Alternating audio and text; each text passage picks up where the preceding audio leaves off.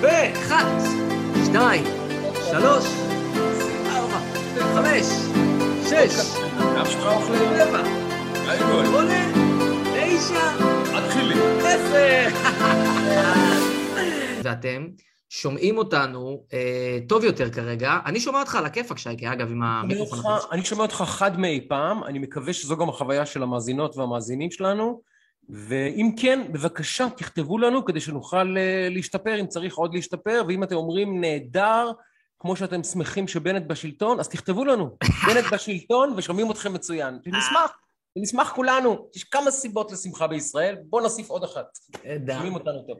נהדר, נהדר, נהדר. אז תשמע, אז קודם כל, אה, בוא, קודם תתחיל גם עם רני בדרכים. כן, כן. בבקשה. חברים, אמנם נדב פה ואני פה, וכפי שאתם רואים אותנו, באמת, האדם הקדמון היה יותר טכנולוגי מאיתנו, אבל זו הסיבה שהצלע השלישית, ואולי החשובה ביותר, הגיעה לתמונה, נכנסה לתמונה, ושמה רן אשל, המכונה רני בפי אוהביו וחבריו. רן אשל, עורך וידאו, עורך סאונד, עורך תוכן, הוא יודע גם לצלם, הוא יודע להקליט, הוא יודע לעשות קסמים שאתם לא יודעים, ואת הקסמים האלה, שמגיעים אליכם, בסופו של דבר את הפרק הזה אנחנו מקליטים, אבל מי שיעלה אותו לרשתות החברתיות ויארוז אותו ויציג אותו וידאג שהם יגיעו אליכם בסופו של דבר, יהיה רני אשל. כי אם רני אשל עכשיו נגיד אומר, חברים, אני חודש בחו"ל ואני לא פנוי, אה, אנחנו בבעיה די רצינית, חברים, וגם אתם. אז אתם צריכים להחזיק אצבעות לא על זה שנדב ואני נהיה צלולים וחדים וערניים וזמינים, אלא שרני אשל, כי הוא איש המפתח. הוא באמת איש המפתח. הוא הנון בנתניהו. הוא, ה... הוא הבט בביבי. הוא האיש. ואני יודע שהוא שמח מאוד שאני משווה אותו לביבי נתניהו. ואני משמעית. הוא מאזין לזה עכשיו בדרכו ואומר, זה הרפרנס, תנו לי רפרנס זה מה כזה. שרציתי. הבט בביבי, הנון בנתניהו. אגב, אם כבר, ואני עכשיו נכנס לתפקיד הבא בבובה, 52 זה נון בית. נון בית זה נתניהו בנימין, וזה גם נון בית, נזכרתי בדבר, וזה גם ראשי תיבות אה, בן. אז אה, נולד לנו בן, קוראים לו פרק 52, והוא גם נתניהו בנימין, והוא גם רן אשל, והוא גם נזכרנו בדבר, אז חשנו צורך דחוף להתייצב ולספר לכם אותו. חד אה? משמעית, ואפילו בכמה דברים. וגם, יש לנו הרבה דברים על הפרק לדבר עליהם היום. אה, 52, אני חושב שהוא היחיד, מה שאני זוכר, היה אריק סאבו האלמותי בביתר ירושלים, משחק 52.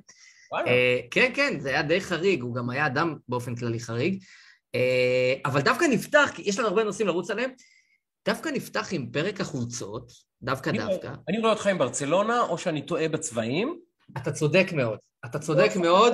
היום גם, רק נגיד מפה, ננצל את הבמה, סליחה, לומר מזל טוב לאישה שאנחנו מאוד מאוד מאוד אוהבים, היא אה, אבן הראשה במשפחת שטראוכלר, הדמות האמיתית שמחזיקה, שמדביקה את הדבר הזה, היא הרן אשל המשודרג של מה שנקרא משפחת, אה, משפחת שטראוכלר, שלי שטראוכלר, אתמול אפילו אה, אה, בעצמי בירכתי אותה בברכת מזל טוב, אני רוצה מפה, אה, בשמי, בשמי וגם בשם בעלך, שיש לו דרכים יותר טובות להודות לך, להגיד לך תודה. תודה ומזל טוב. את יודעת על מה תודה? על זה שאת שומרת את האיש הזה בריא בנפשו.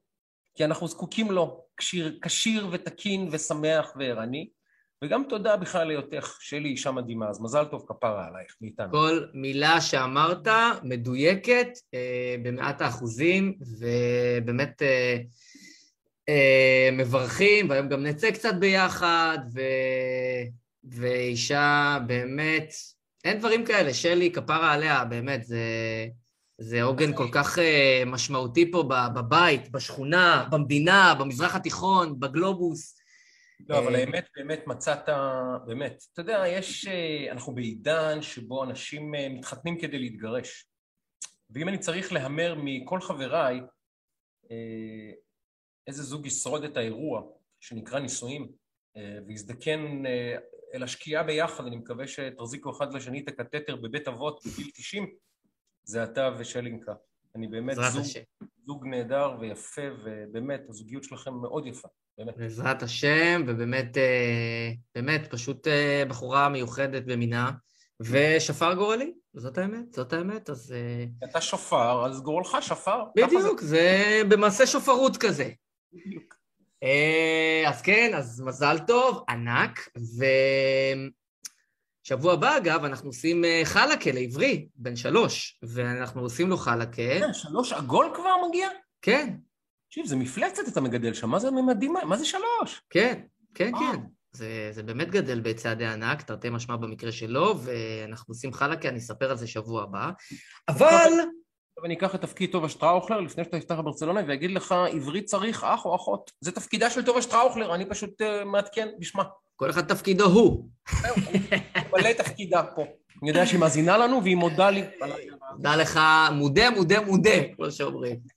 אוקיי, אז ברצלונה אנחנו רואים. ברצלונה, שים לב, קודם כל ניחשת נכון, ראית נכון, זאת חולצה של ברצלונה שהיא באדיבותו של גלבוע מור האחד והיחיד.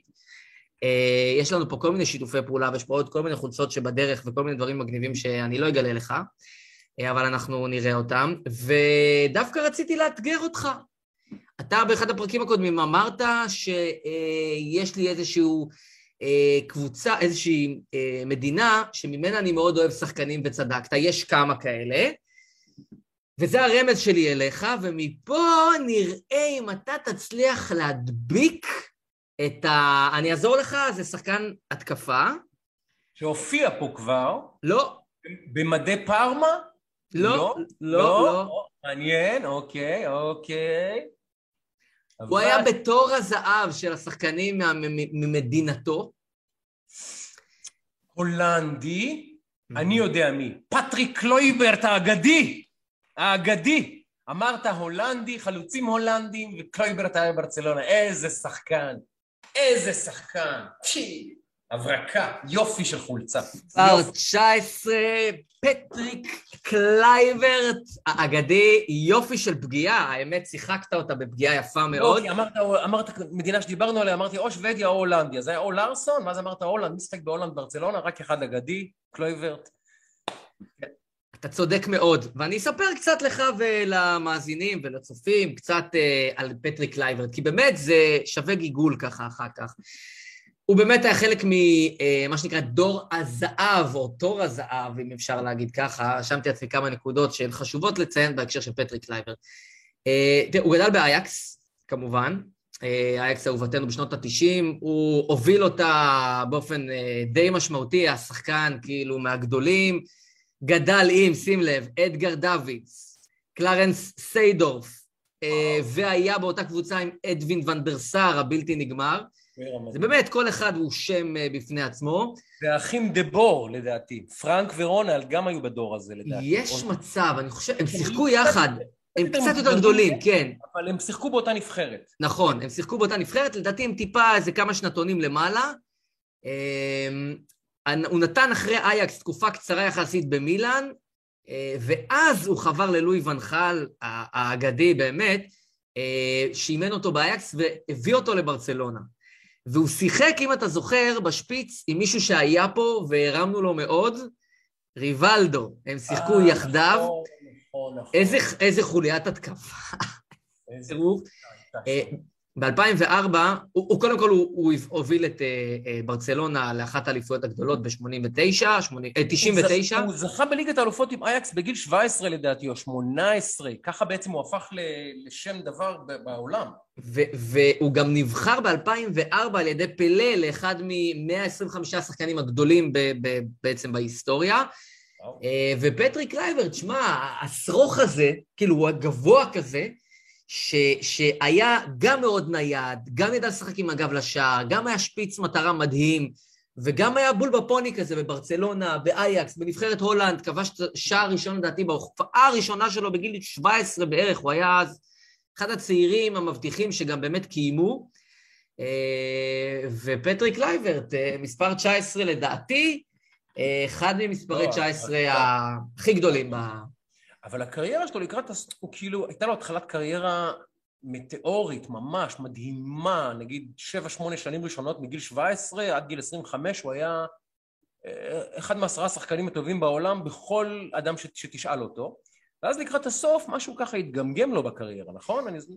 תראה, הוא, אחרי שהוא עזב את ברצלונה, זאת אומרת, הוא נתן שם שש שנים, אה, שש שנים מאוד פוריות וטובות, ואחרי כן הוא באמת התגלגל, לא מצא את עצמו, היה בניוקאסל, היה בוולנסיה, היה באיינדובן, סיים את הקריירה בליגה הצרפתית בכלל, אה, אבל אין ספק שהיה לו אייקס כמה שנים גדולות, מילאן לא כל כך הצליח, ברצלונה היה כוכב והביא אותם באמת להישגים מאוד מאוד משמעותיים, אה, ואחר כך זה באמת הלך ודעך בשלוש, ארבע, חמש שנים האחרונות שהוא נתן ככה בקבוצות האחרות שהוא היה בניוקאסל, שעכשיו אגב, אגב ניוקאסל, אירוע ענק עכשיו שקורה, שעוד פעם שייח שרוכש את הקבוצה ו- ופתאום... אגב, זה כמו שקרה לסיטי, הרי אם אתם זוכרים, סיטי לפני עשר שנים הייתה הבדיחה של הפרמייר ליג, הבדיחה, האחות המכוערת של מנצ'סטר יונייטד, תמיד אמרו, אוי, מנצ'סטר יונייטד יוצאת עם ברד פיט, והיא נתקעה עם אה, שמעון מהבסטה, מה, מנצ'סטר סיטי, מסכנה, אין מה לעשות. ופתאום מגיעים אה, מי, מי, מי שם, מי, מי קנה אותם? ממשלת קטר? מי זה? אחד האמירים, אני לא זוכר את ה... וזהו, ואמרו, אוקיי, יש לנו 500 מיליון דולר, בואו בוא נהפוך את הקבוצה להכי טובה בעולם, ועכשיו ניוקאסל עוברת, עומדת לעבור את האירוע הזה, בעוד שנתיים נכון. שלוש ניוקאסל תהיה באותה רשימה עם ליברפול וסיטי ויונייטד וארסנל וכל... זה מדהים, מדהים. אגב, אני לא בטוח שאני אוהב את זה כל כך. לא, אני, אני, אני לא מת על זה, אה, אבל אה, אם תשאל את האוהדים של ניוקאסל, נראה לי שהם בסך הכל מרוצים מהגג הזה.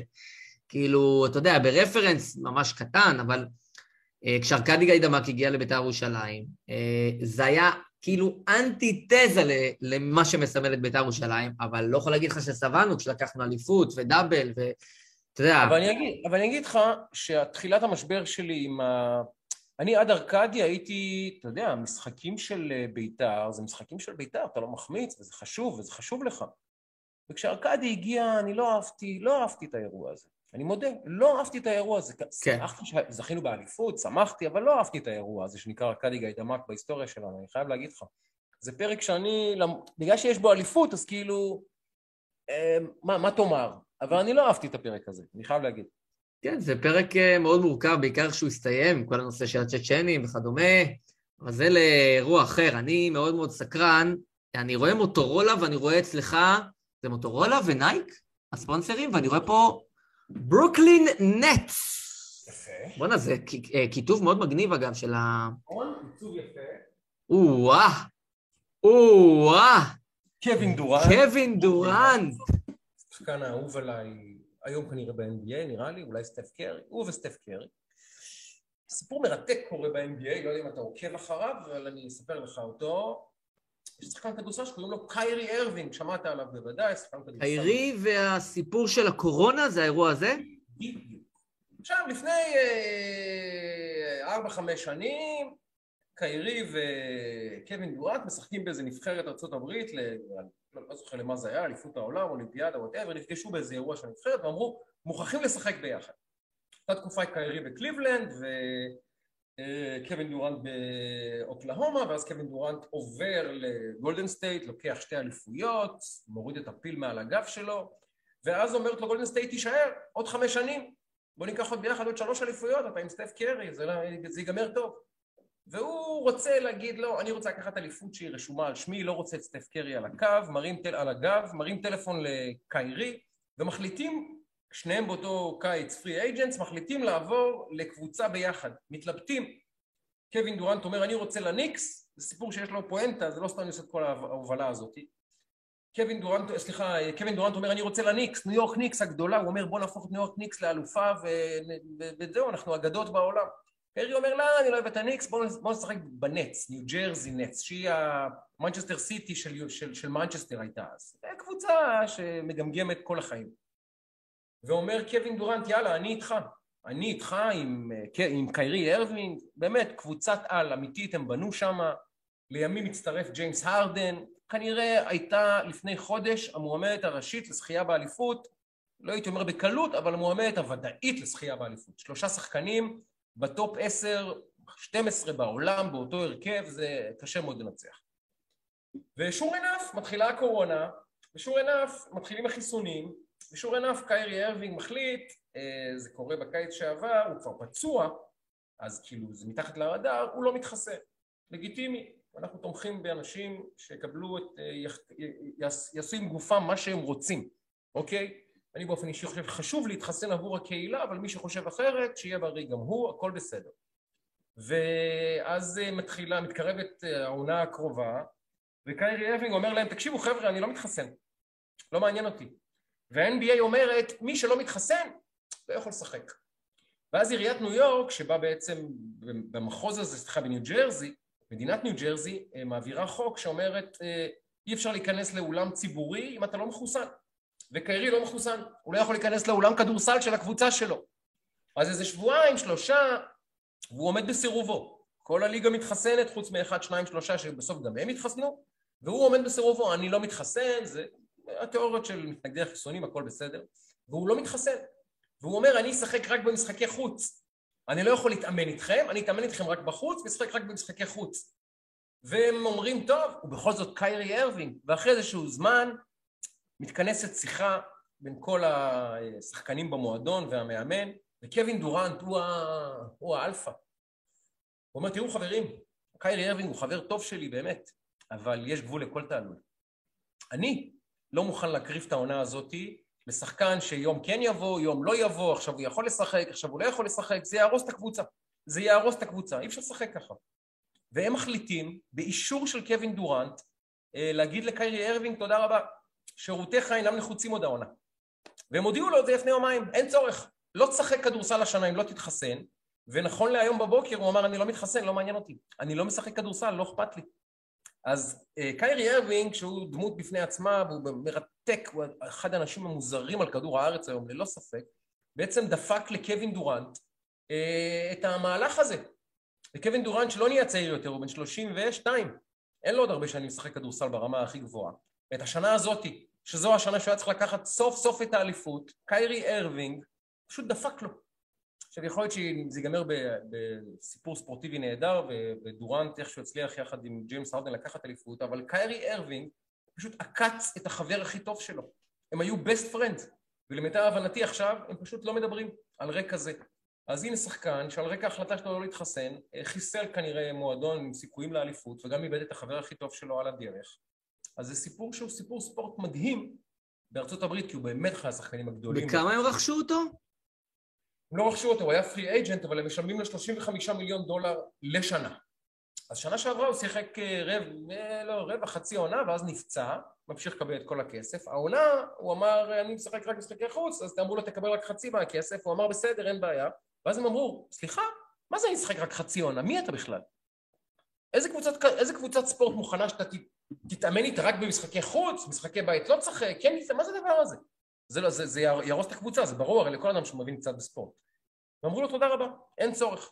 אז כל אמריקה עכשיו סוערת, ואני רוצה להתמקד בקווין דורנט, שהוא באמת אולי השחקן הכי טוב בעולם היום, לדעתי, השחקן הכדורסל הכי טוב בעולם היום, שפשוט קיירי עשה לו נפתלי בנט, פשוט עקץ אותו, פשוט עקץ אותו. כי אם דורנט לא היה סומך על הטמבל הזה, סליחה שקראתי לו טמבל, והיה נשאר בגולדן סטייט, כנראה שהיו להם היום עוד שתיים או שתי אליפויות, לפחות אליפות אחת. אז הנה החלטה בבחירה בחבר לא נכון, יכולה גם לעלות לך באליפויות. אז שטראוכלר, פעם הבאה שאתה אה, פותח, אה, רוצה לעבור לקבוצה עם, אה, או לפודקאסט עם אחר, תבדוק שהוא לא קיירי ארווינג.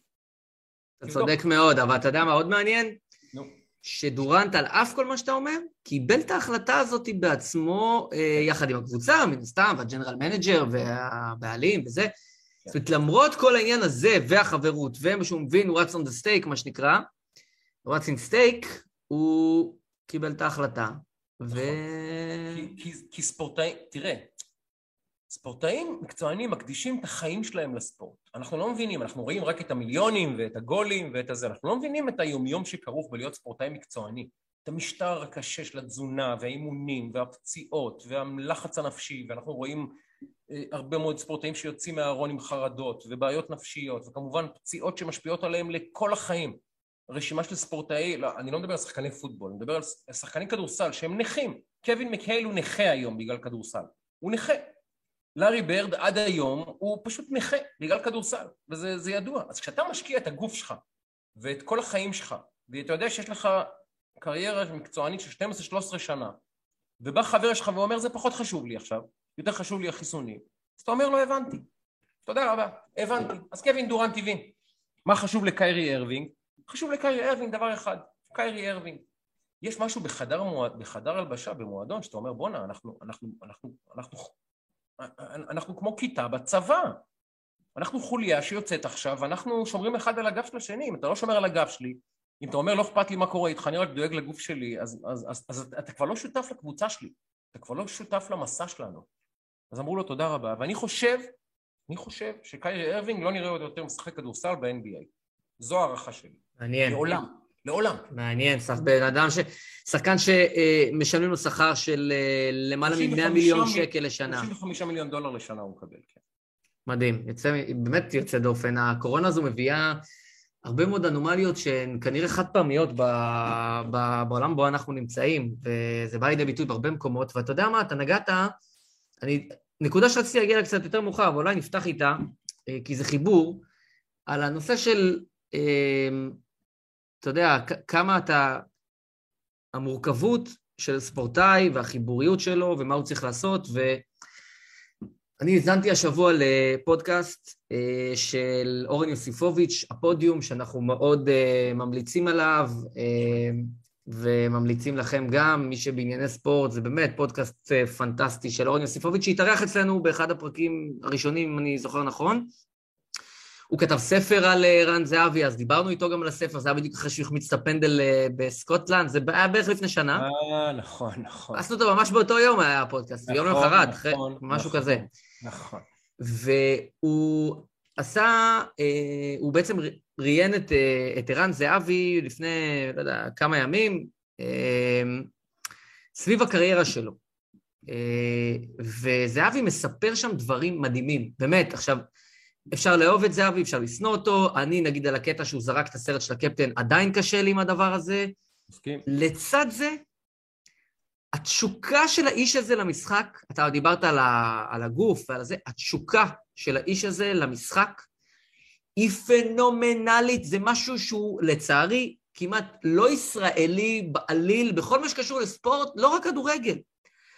מדהים לשמוע אותו מדבר על ההקרבה, על העניינים הפסיכולוגיים של המשחק, על זה שכאילו, איך, הוא, איך, הוא, איך הליינאפ שלו כל הזמן כמה ימים קדימה, ואני צריך לישון עכשיו, הוא לוקח כדורים בלילה כדי להירדם, כי הוא יודע שמחר יש לו אימון, כי מחרתיים יש משחק ועוד שלושה ימים, הכל הוא צריך. עכשיו, היה לו בשבועיים אה, ניצחון ענק על אוסטריה, שהוא מבקיע שם, באמת, בצורה פנומנלית, הפסד 5-0 לדנמרק, החמיץ החמצה גורלית עם הקבוצה שלו ולא הפילו לליגת אלופות, הבקיע שער בליגה המקומית או צמד, ועכשיו הבקיע ועבר את מוטה שפיגלר, זה כבר היה אחרי הפודקאסט, שהוא אחרי הרעיון.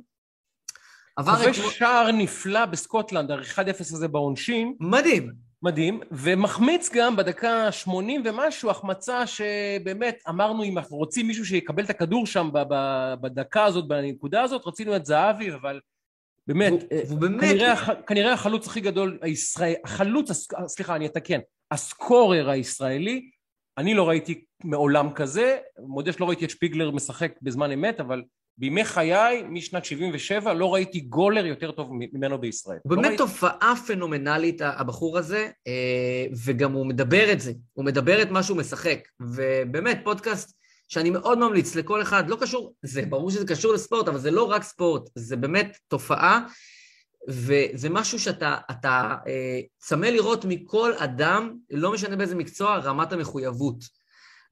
והתפיסה איך להסתכל כל הזמן קדימה ולא להישאב לאכזבות, ואיך להסתכל קדימה ותחושת ה... איך, איך מתאוששים מהפסד, ואיך מתאוששים מהחמצה תוך כדי משחק ומיד אחרי זה חושבים על, ה, על ההתקפה הבאה. ובאמת, יש לו חוסן מנטלי יוצא דופן, מעבר לכישורים וליכולות. פודקאסט מרתק, באמת, אה, אה, של אורן יוסיפוביץ', אני ממש האזנתי והיה מדהים לראות את הבחור הזה. אה, ו, וגם לפרגן לו מאוד על הפרגון ההדדי בינו לבין מוטה לשפיגלר, אני מציע גם, זה היה רגע ישראלי מרגש במיוחד בעיניי לפחות. ללא ספק. הוא הבקיע את השער השבוע נגד מולדובה, זה בעצם היה שער שהפך אותו לגדול הכובשים בנבחרת ישראל מאז ומעולם.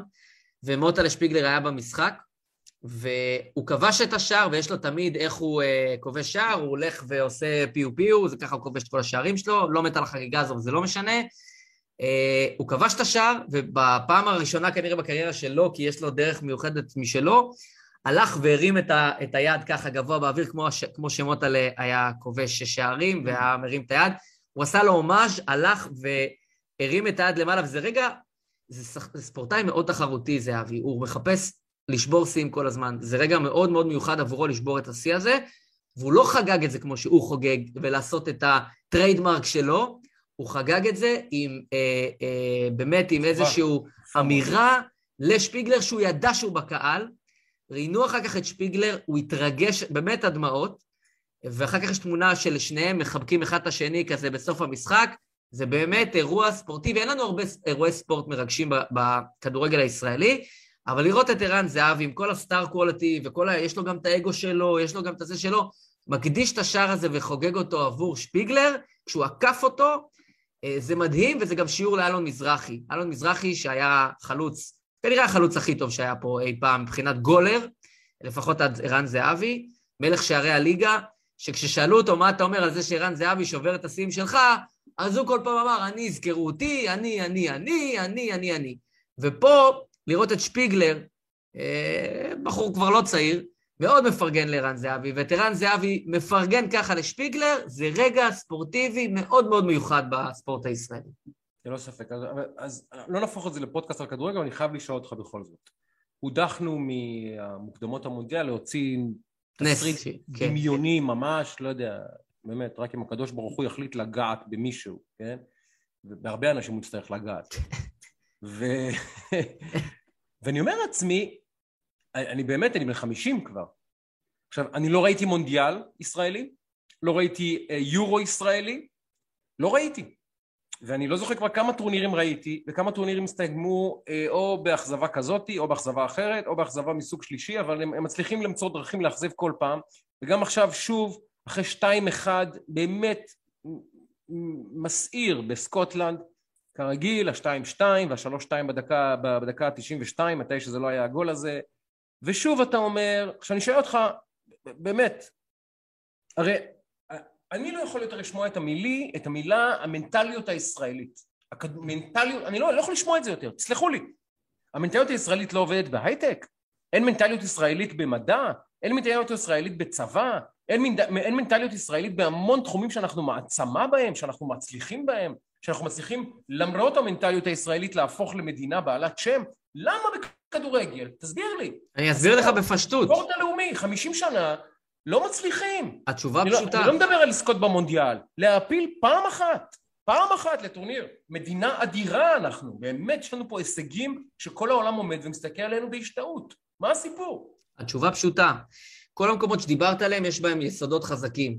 בנושא של הטכנולוגיות זה הצבא, בשאר הנושאים זה עניין של חינוך, שאפשר להגיד עד מחר, ויש פה עדיין חינוך טוב, אה, וגם בקטע של הצבא זה נותן הרבה מאוד יסודות, ובכלל המרקם האנושי פה מייצר הרבה מאוד דברים. בכדורגל יש לנו פער ביסודות. כישרון של הנבחרת הנוכחית, וזאת שאנחנו הולכים לראות בשנים הקרובות, זה הכישרון הכי גדול, של, לדעתי, של נבחרת ישראל מאז ומעולם. הבעיה היא יסודות, להבדיל, תראה מה עושים באיסלנד, מדינה של, אני לא יודע, פחות ממיליון איש, מגיעים למונדיאל, מביאים הישגים, כי הם עובדים רק בעיקר על יסודות, פה לא עבדו על יסודות, לא עובדים על יסודות. אבל כן אנחנו מחפים על זה בכישרון. הכישרון של הנבחרת הנוכחית, הכישרון ההתקפי הוא הכישרון לדעתי הכי גדול שהיה פה מאז ומעולם, בטח בימי חיי, אה, ואני חושב שאנחנו הולכים לעשות שגיאה מאוד מאוד חמורה ולפטר את המאמן.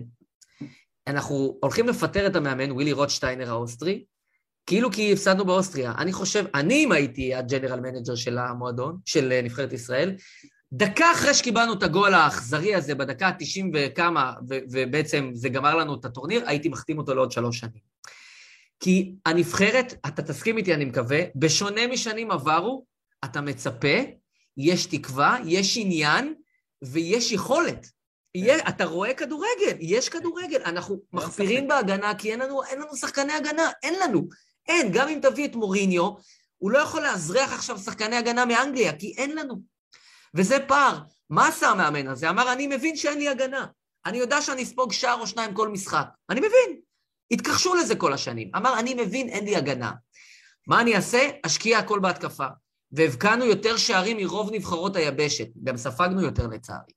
Hmm. אבל אתה רואה השתפרות משמעותית, אתה רואה שאתה מבקיע יותר, אתה רואה צורת משחק, אתה רואה יכולת. יש לנו עוד עבודה בהגנה. תן לו עוד קמפיין, תן לו עוד שני קמפיינים. אני מאמין שאנחנו בכיוון הנכון. במקום זה מה עושים? מפטרים את המאמן, כי אנחנו קצרי ראייה וקצרי טווח וחסרי סבלנות. וזאת הבעיה שלנו, יסודות וסבלנות. או סקוטלנד ניצחה אותנו, לא כי היא נבחרת יותר טובה, כי יש לה מסורת, כי הם, הם עובדים, אתה תראה, את ההתמדה שלהם במשחק, זו קבוצה של נגרים, והם ניצחו אותך, לא בגלל שהם יותר טובים לך ביכולת, כי הם עובדים על יסודות, ויש להם סבלנות, ויש להם מסורת, מסורת נבנית. והנבחרת הזאת היא נבחרת שיכולה לבנות מסורת, ו- ואם תעבוד על היסודות גם נגיע רחוק, אבל גם אם לא, לא נצטרך לחכות עוד 20 שנה, אם, תת, אם תהיה לנו סבלנות, אנחנו נוכל להגיע תוך גם חמש או שש שנים לטורניר גדול, ככה אני מאמין. טוב. יאללה. ענייני חוץ, ענייני חוץ, אני רוצה להקריא לך אה, כותרת אתמול ב... איפה זה התפרסם? במאקו, אה, לדעתי, סוכנויות הידיעות, זה הולך ככה. היום נפגש, אתמול נפגש לפיד עם בלינקן, שר, אה, מזכיר המדינה האמריקאי, שר החוץ מה שנקרא, הוא כותב ככה: בכירים בממשל האמריקני לקראת הפגישה עם לפיד מחויבים לפתרון שתי המדינות, הסכמי אברהם אינם אלטרנטיבה. עוד נאמר שם, היום צפויה להתקיים פגישה משולשת, ראשונה מסוגה וכולי וכולי. בתדרוך לקראת הפגישה הבהירו גורמים בכירים במחלקת המדינה האמריקנית נפעל להביא להתקדמות בנושא הפלסטיני ככל שנוכל. הייתי שמח לשמוע את תגובתך לגבי מר לפיד שנוסע לקבל מהאמריקאים הכתבה בעצם לשוב לשולחן המשא ומתן אולי לאוסלו 2, אולי ל... אני לא יודע מה הם מתכננים שם החבורה הזאת, אבל אה, נשמע, מה, מה תאמר את זה? קודם כל, קודם כל... וגם, וגם האמירה, הסכמי אברהם, זה לא. המסלול הפלסטיני, אין, חוזרים אליו שוב. תראה, קודם כל, אה, אנחנו חיים פה במדינה, אנחנו רואים מה קורה. אה, גם מהצד שלנו, שאתה רואה שרים בממשלה אה, נוסעים למוקטעה, ומחזירים לה, ממש לצנטרום של הפיילה את אבו מאזן. אגב, יש שיגידו שזה הדבר הכי טוב למדינה, אני חושב אחרת, אבל עובדתית זה מה שקורה. כתב יוני בן מנחם את הדבר הבא, הוא כתב ככה: הנסיעה של יאיר לפיד לוושינגטון היא כישלון חרוץ, סימן קריאה. הממשל דחה את בקשתו להציב לאיראן מועד אחרון לחזרה להסכם הגרעין, ולא מוכן לשמוע על אופציה צבאית נגדם. הממשל לא רואה את לפיד ממטר, והנשיא ביידן סירב לפגוש אותו אפילו לכמה דקות. עכשיו תראה. אגב, גם לבנט הוא הקצר רק... כמה זה נגמר האירוע הזה? 20 דקות? כמה הייתה הפגישה שלו? לא זוכר כבר כמה. קצר מאוד. כן. וגם uh, קצר מאוד, וגם אתה ראית את שפת הגוף. בוא, אנחנו לא צריכים להיות מנתחי שפת גוף בשביל להבין את רמת העניין. כן. לא משנה אם הוא נרדם או לא נרדם, הוא לא נמנם. ש... אה, אה, אם לפיד הוא לא היה ישן בחדר, הוא היה פשוט מתגלגל מצחוק, אבל הוא לא היה ישן. ביידן לא היה, הוא היה פשוט צוחק. שמע, זה, זה, זה דבר מדהים, כי אתה רואה גם אפרופו את הקטע של אתמול פרסם אה, אה, עמית סגל את המכתב ששלח יאיר לפיד לסוכנות היהודית לבקש בעצם מחדש שייתנו זמן בעצם להביא מועמד אחר במקום הפארסה שהייתה לו עם, אה, אה, עם שטרן. ויאיר לפיד אמר, אני זוכר שני דברים שאמר באחרונה, אחד אמר, אני, מה זה ראש ממשלה חלופי? אני בכלל לא משתמש בראש ממשלה חלופי. שתיים, כששאלו אותו בוושינגטון על שטרן, הוא אמר, אני בוושינגטון מדבר על וושינגטון, מתעסק בוושינגטון. מוושינגטון, שהוא דיבר שהוא מתעסק בוושינגטון, הוא שלח את המכתב הזה, שבכותרת שלו כתוב alternative prime minister. בחיי, זה עמית סגל פרסם את זה, אף אחד לא דיבר על זה, אבל זו הייתה הכותרת למעלה. מ... למה יאיר לפיד בכלל מתייח... מתעסק עם הסוכנות היהודית כנציג הממשלה? הרי אתה... זה לא אמור להיות מישהו אחר, למה יאיר לפיד? אתה שר חוץ. עכשיו, אם אמרת שאתה בוושינגטון מתעסק עם וושינגטון, למה אתה מתעסק עם הסוכנות היהודית? ואם אמרת שאתה לא alternate prime minister, למה אתה שם כותרת של alternate prime minister? לא הבנתי את האירוע. אז כאילו, כמות הסתירות האינהרנטיות בכל משפט שני שפחות או יותר עולה, אתה יודע, עידית סילמן, שמעלה את החוק הזה, שהתנגדה אליו, גם, אתה יודע, קצת קולגיאליות למיכל וולדיגר, כאילו, קצת, קצת, אתה יודע, טיפה. לא יודע, אני כאילו אומר, אז, אז אתה שואל על לפיד ועל הממשל האמריקאי, הכל לנגד עינינו. הם מדברים את זה, הם אומרים את זה, משני הצדדים. עכשיו, איך שאני קורא את המפה, ברור לכל שיאיר לפיד הוא מאוד מאוד מאוד, ועוד פעם מאוד דומיננטי בממשלה הזאת, כל בר דעת יסכים. אני לא יודע להגיד כמה בנט ואיפה חלוקת התפקידים, אבל אתה רואה שהוא נותן את, את, את הטון, ושר החוץ בפועל, וגם ראש ממשלה חלופי בפועל. עכשיו, לבנט יש שנתיים, ואחר כך ליאיר לפיד אמור להיות שנתיים. בסדר? בוא נגיד שהכל אה, אהלן אהלן. למעשה, גם את המהלכים המדיניים וגם את המינויים הפוליטיים שהוא עושה למכביר, וגם את שאר המהלכים הביליטריאליים שאנחנו רואים כרגע שמתקיימים בין ירדן ובמקומות אחרים, מי שדה פקטו מוביל הוא יאיר לפיד. יאיר לפיד בשנתיים האלה, והוא עובד חכם מאוד, ואני החמאתי לו פה לא אחת, זה לא קשר לדעות, זה קשר להתנהלות. הוא עובד בצורה מאוד מאוד חכמה. הוא כרגע מכשיר את השנתיים הבאות. הוא עובד עם הממשל האמריקאי, אגב, הייתה איזושהי יציאה שאמרו, אה, אה, בזמן שלפיד שם, מכשירים פה אה, יחידות ביו"ש, לא יודע בדיוק מה, ואז היה דיווחים, הם מדברים בשתי קולות, לא מדברים בשתי קולות, מדברים בקול אחד. הקול הוא שקול של יאיר לפיד. יאיר לפיד מתואם שם מאוד, וגם זה שלא הסכים לפגוש אותו, והביקור הזה הוא כישלון או לא כישלון, זה לא, המד, לא המדד. אנחנו משחקים לטווח ארוך, אפרופו הנבחרת ואפרופו דברים אחרים. המשחק הוא משחק לטווח ארוך. והוא מתואם בעיניי מאוד עם הממשל האמריקאי, יותר ממה שחושבים, ואני חושב שהוא מכשיר את הקרקע לנקודה שבה הוא יהיה ראש ממשלה. וזה לא רחוק, לכאורה, ואם הכל יסתדר ובלה בלה בלה, נגיד שכן. הוא כרגע בונה במינויים, במדיניות החוץ, בהסכמים שהוא עושה או לא עושה, בסיפור עם הירדנים, בסיפור עם האמריקאים, הוא מתווה דרך שהיא מתואמת עם הממשל האמריקאי, וזה מתחבר לביקור במוקטעה. כי זה הכיוון. זה הכיוון, זה הכשרה של דעת קהל, לא יודע אם היא קיימת וכמה היא, והכשרה של מהלכים מדיניים למהלך עם הפלסטינים. זה האירוע. לכן הסכמי אברהם, גם ימשיכו בהם וממשיכים בהם, בכל זאת נתניהו נתן פה מהלך אסטרטגי מטורף, שכשאמרנו את זה בזמן אה, נתון, אמרו לנו, אבל מה זה...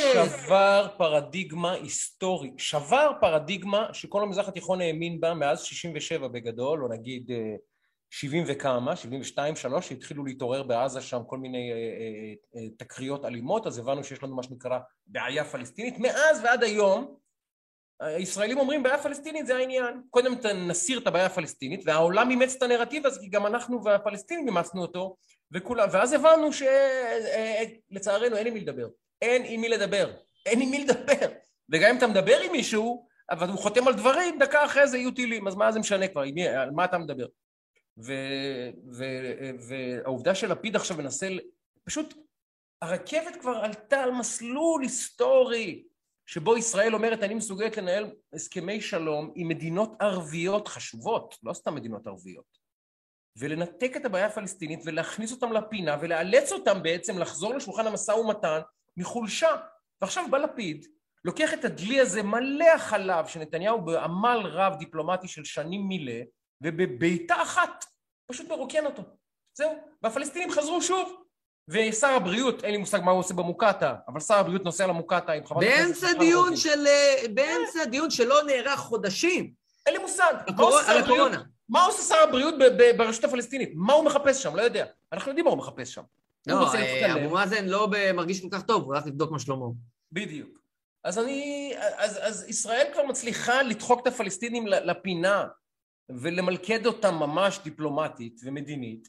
ובאה הממשלה הזאת ואומרת, לא, לא, בואו, בואו, שוב אבו מאזן, ושוב, ועכשיו האמריקאים רוצים לחזור, הסכם המאה כמובן הלך לפח, כל ההישגים הישראלים בתחוזית הפלסטינית שנתניהו במשך שנים אה, השיג, הולכים לפח פה בעניין של שבועות, ואתה יודע, זה ממש מקרה קלאסי של אידיוט, סליחה על הבוטות, זרק אבן אה, לבאר, אלף חכמים לא יוציאו.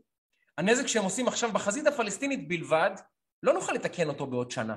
כי העולם עכשיו אומר, הנה, פלסטינים, הרי אנחנו כבר רואים, הידיעה הזאת, למה קראתי אותה? כי אנחנו יודעים לאן זה הולך. עוד שנה ועידת שלום בוושינגטון, צילומים, מחיאות כפיים, יהיה שר חוץ רוסי, יהיה שר חוץ אמריקאי, יהיה שר חוץ סיני, יהיה שר חוץ בלגי, יהיה שר חוץ מטורקיה, כולם יצטלמו שם ויגידו, יוצאים שוב לדרך לאוסלו 2 או ל... לא יודע מה, וושינגטון 3. ואנחנו יודעים לאן זה הולך כבר, היינו בסרט הזה כבר, ראינו את הסוף שלו. וזה לא סוף טוב אגב. ולפיד פשוט לוקח את זה, הוא אומר, אה, הרי איך, איך הולך המשפט המפורסם? לחזור על אותה פעולה אה, אה, אה, אה, פעם אחר פעם ולקוות לתוצאה שונה, היא הגדרה של אי שפיות. אני לא קורא ללפיד אה, לא שפוי, אבל אחי, תפתח ספר היסטוריה, עזוב ספר היסטוריה, תפתח גוגל, יש מספיק ערכים בוויקיפדיה שיסבירו לך מה היה פה. מה עובר עליך? מה עובר עליך? אתה לא מבין? אנחנו שוב נכנסים לאותו מלכוד, לאותה פינה, מה אתה חושב יקרה? עכשיו הפלסטינים יגידו, טוב, זכות השיבה פחות חשובה לנו עכשיו. אחי, הם חיכו 50 שנה, הם, לא, הם, הם יחכו עוד 50, הם הסבירו לנו את זה. הם יחכו עוד 500. מה אתה חושב יקרה? יוותרו על זכות השיבה? יוותרו על השליטה באגן הקדוש ובמקומות הקדושים לנו? לא, לא, לא. אגב, כבר נתנו להם שליטה באגן הקדוש, אולמרט כבר אמר להם קחו שליטה באגן הקדוש, גם ברק רמז להם את זה. קיבלו 97% מהשטח מברק ושליטה באגן הקדוש, ואמרו לא, לא, לא, לא טוב לנו מספיק. רוצים 100% וזכות שיבה. אז, אז מה אתה חושב שיקרה עכשיו, לפיד? עכשיו הם יתגמשו, יגידו לא, בוא נעשה מדינה נחמדה, נחיה בנדידות, נפתח את הגבולות, והמטבע הישראלי והפלסטיני יהיו כבר, אה, יהיו חברים. לא, זה לא הולך לקרות, לפיד. או שאתה רוצה להעביר אותנו עוד מרחץ דמים, ועוד פיגועים, ועוד זה, ועוד זה. אגב, גם בחברה הפלסטינית יש אנשים שלא ממש בעניין של הסכם עם ישראל. והם יושבים בעזה ויש להם שם מדינה, וצבא. והם לא כל כך בעניין. אז לפיד מדבר עם אבו מאזן ברמאללה, כל הכבוד לו, תחתום עם אבו מאזן, אה, נראה אותך גורם לאבו מאזן לכפות משהו על החמאס. נראה אותך גורם לאבו מאזן להגיד לחמאס בעזה, חתמתי הסכם עם היהודים, תכבדו אותו. הם יצחקו לו בפרצוף הרי, אנחנו יודעים את זה. אגב, אני קראתי מחקר מאוד מעניין שהחמאס, אה, שדווקא של סוקר, אה, סוקר ערבי, פלסטיני, שהראה נתונים די מרתקים, ש... החמאס היום נמצא ברמת הלגיטימציה הגבוהה ביותר בחברה הערבית אי פעם. זאת אומרת, זה לא מה ש... זאת אומרת, היום, אז אתה יכול להגיד, הוא מה שנקרא, שדד את השלטון, השתלט בצורה לא דמוקרטית, אתה יודע, אפשר להגיד דמוקרטית. אבל כמובן, היום הפופולריות שלו היא גבוהה מאי פעם, ולא רק בעזה. גם ב... גם ב... אה, אה, גם במקומות אחרים, זאת אומרת, גם במזרח ירושלים וגם ברמאללה, אה, הפופולריות שלו היא גבוהה מתמיד. וגם בחוגים בשמאל האירופאי, פעם לומר חמאס היה מילת גנאי, ארגון טרור. היום אתה רואה פתאום הפגנ... אה, אה, איך קוראים לזה? הפגנות באירופה של ארגונים פלסטינים עם דגלי חמאס, ואף אחד לא מתרגש. אוקיי, יש גם דגלי חמאס שם, הכל בסדר. ו- ו- ויתרה מזאת, גם התחזקו מאוד, הבחירות שם ברשות בוטלו, גם התחזק מאוד, וגם הם אומרים לך חד חלק, אנחנו את כל האסירים רוצים בחזרה, והאסירים האלה שעכשיו ברחו, שום הסכם לא יהיה בלי שהם יוציאו, והרי אנחנו לא נחזיר אותם גם עוד 500 שנה, אין כזה דבר. אז, אז, אז אתה מבין שזה dead end לכתחילה, ויתרה מזאת, נגיד, הסתדרת עם חמאס, הכל מדהים, תראה היום, האג"פ, הג'יהאד הפלסטיני, אומר, אני מכנס את לא אכפת לי הסכמים עם מצרים ומה שאתם עושים שם, זה לא מעניין, והסדרה והודנות, זה לא מעניין אותנו. אנחנו עושים גיוס כללי, הם עשו היום גיוס כללי, קראו לגיוס כללי, לקראת הבנה שהם הולכים לעשות מהלך, אז גם אם סגרת עם חמאס, אז יש לך גם את, ה, את, ה, את החבר'ה האלה. אז כל המסלול הזה הוא מסלול שלכתחילה, הסוף בו הוא, הוא די ברור.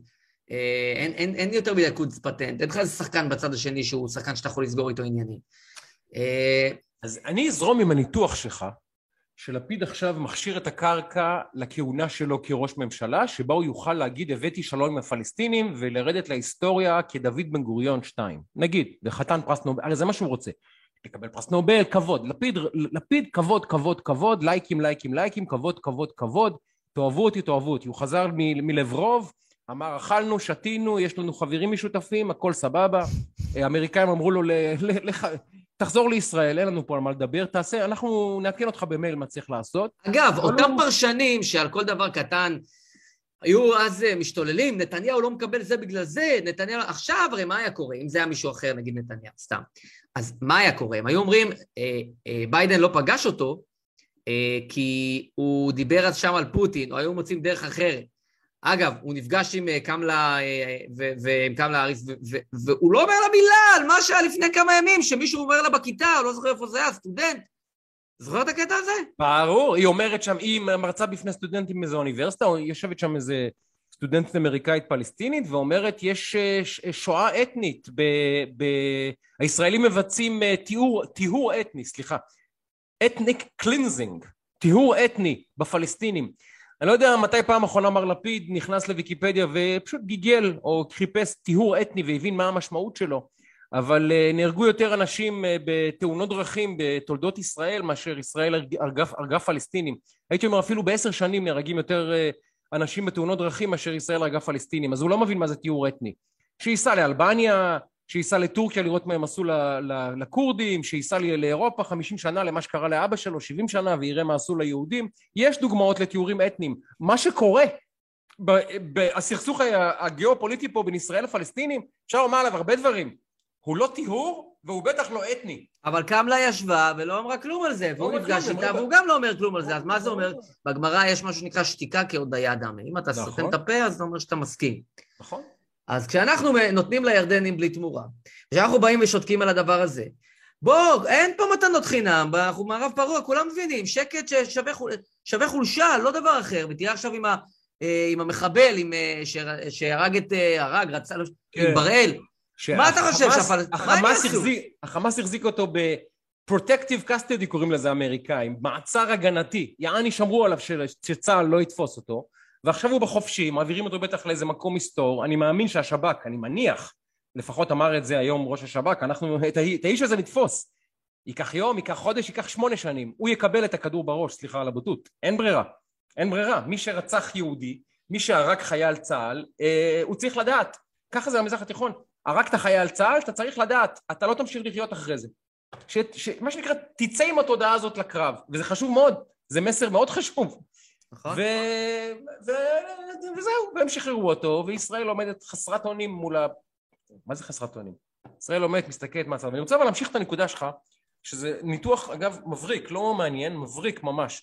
זה שלפיד רואה עכשיו תמונה גדולה ומנסה להכין איזשהו אירוע אה, מדיני שיוכל אה, להכריז עליו כהישג שלו כראש ממשלה, ואולי לבנות את עצמו באמת כראש ממשלה גדול והיסטורי ומי יודע מה, ובטח ראש ממשלה של המחנה באירוע הבא. שים לב פוליטית עכשיו לאן אני חושב שהדבר הזה עשוי ללכת. אני מסתכל על בנט ואומר, מתחת לאף של איש הימין הזה, אני עדיין מאמין בו שיש בו אהבת ארץ ישראל ויש בו, בו ערכים שעדיין נותרו בו, מתנהל האירוע הזה עם הפלסטינים. ההוא הולך לבקר במוקטעה, ההוא סוגר מאחורי הגב שלו עסקאות עם כל העולם, כל העולם ואחותו מנהל משא ומתן לפלסטינים, וראש הממשלה, שקט, אין לו. לא שמעתי מילה של, של ראש הממשלה בעניין הפלסטיני, מילה לא שמעתי. אמרה איילת שקד בשמו, הוא לא יסכים לפגוש את אבו מאזן. אוקיי, אמרה איילת שקד, זה לא הודעה רשמית של ראש הממשלה. עכשיו שים לב למהלך הפוליטי שיכול להיות שבנט... פשוט כי הודעה רשמית של ראש הממשלה, אז היית ממש... כן. אז שים לב למהלך הפוליטי הבא.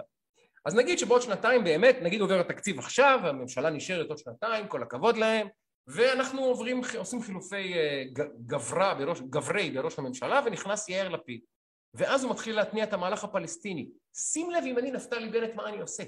אני אומר, אתה יודע מה?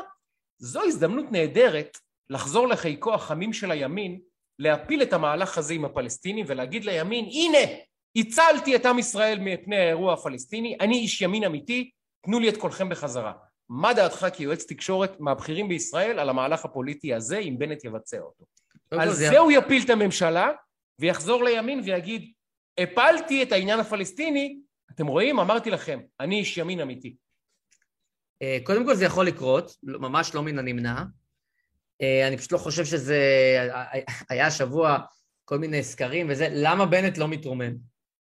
נו באמת, למה? מי- ניהל את הסקר?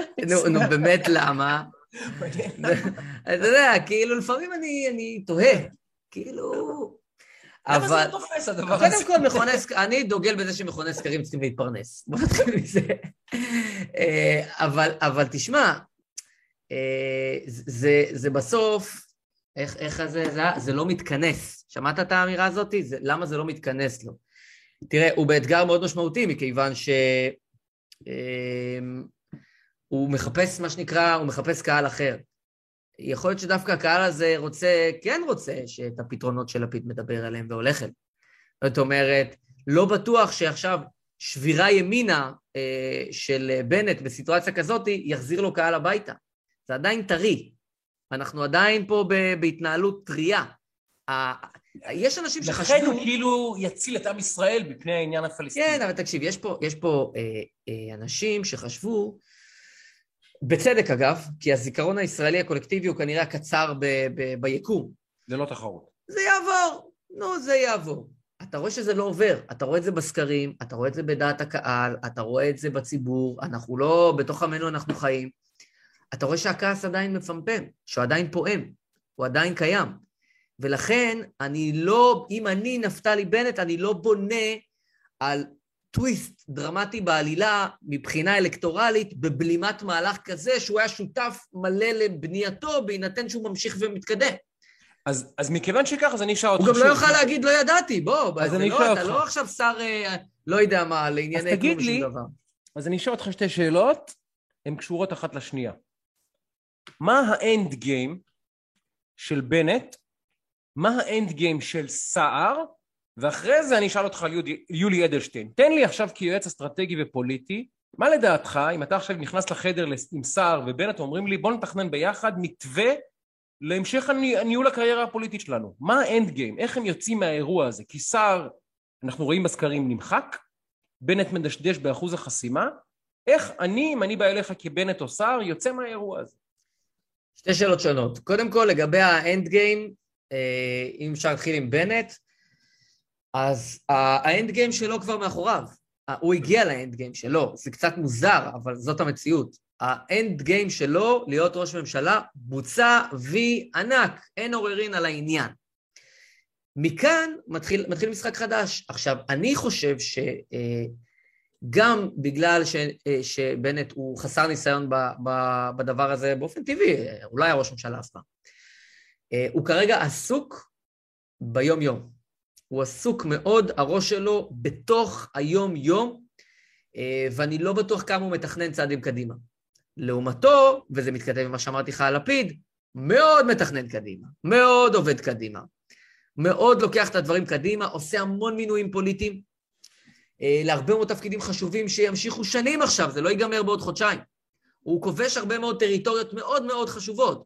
הוא, לא הממשלה, הוא, לא בנט. הוא עובד בזה, גם ברמה המדינית, גם ברמה הפוליטית, עובד בזה. ולכן, הוא, כשאתה, ה end game שלו הוא הרבה יותר ברור. אצל בנט ה end game מאחוריו, ולכן עכשיו הוא ממציא end game.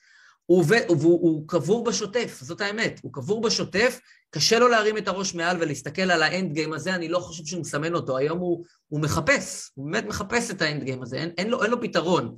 מהו הפתרון?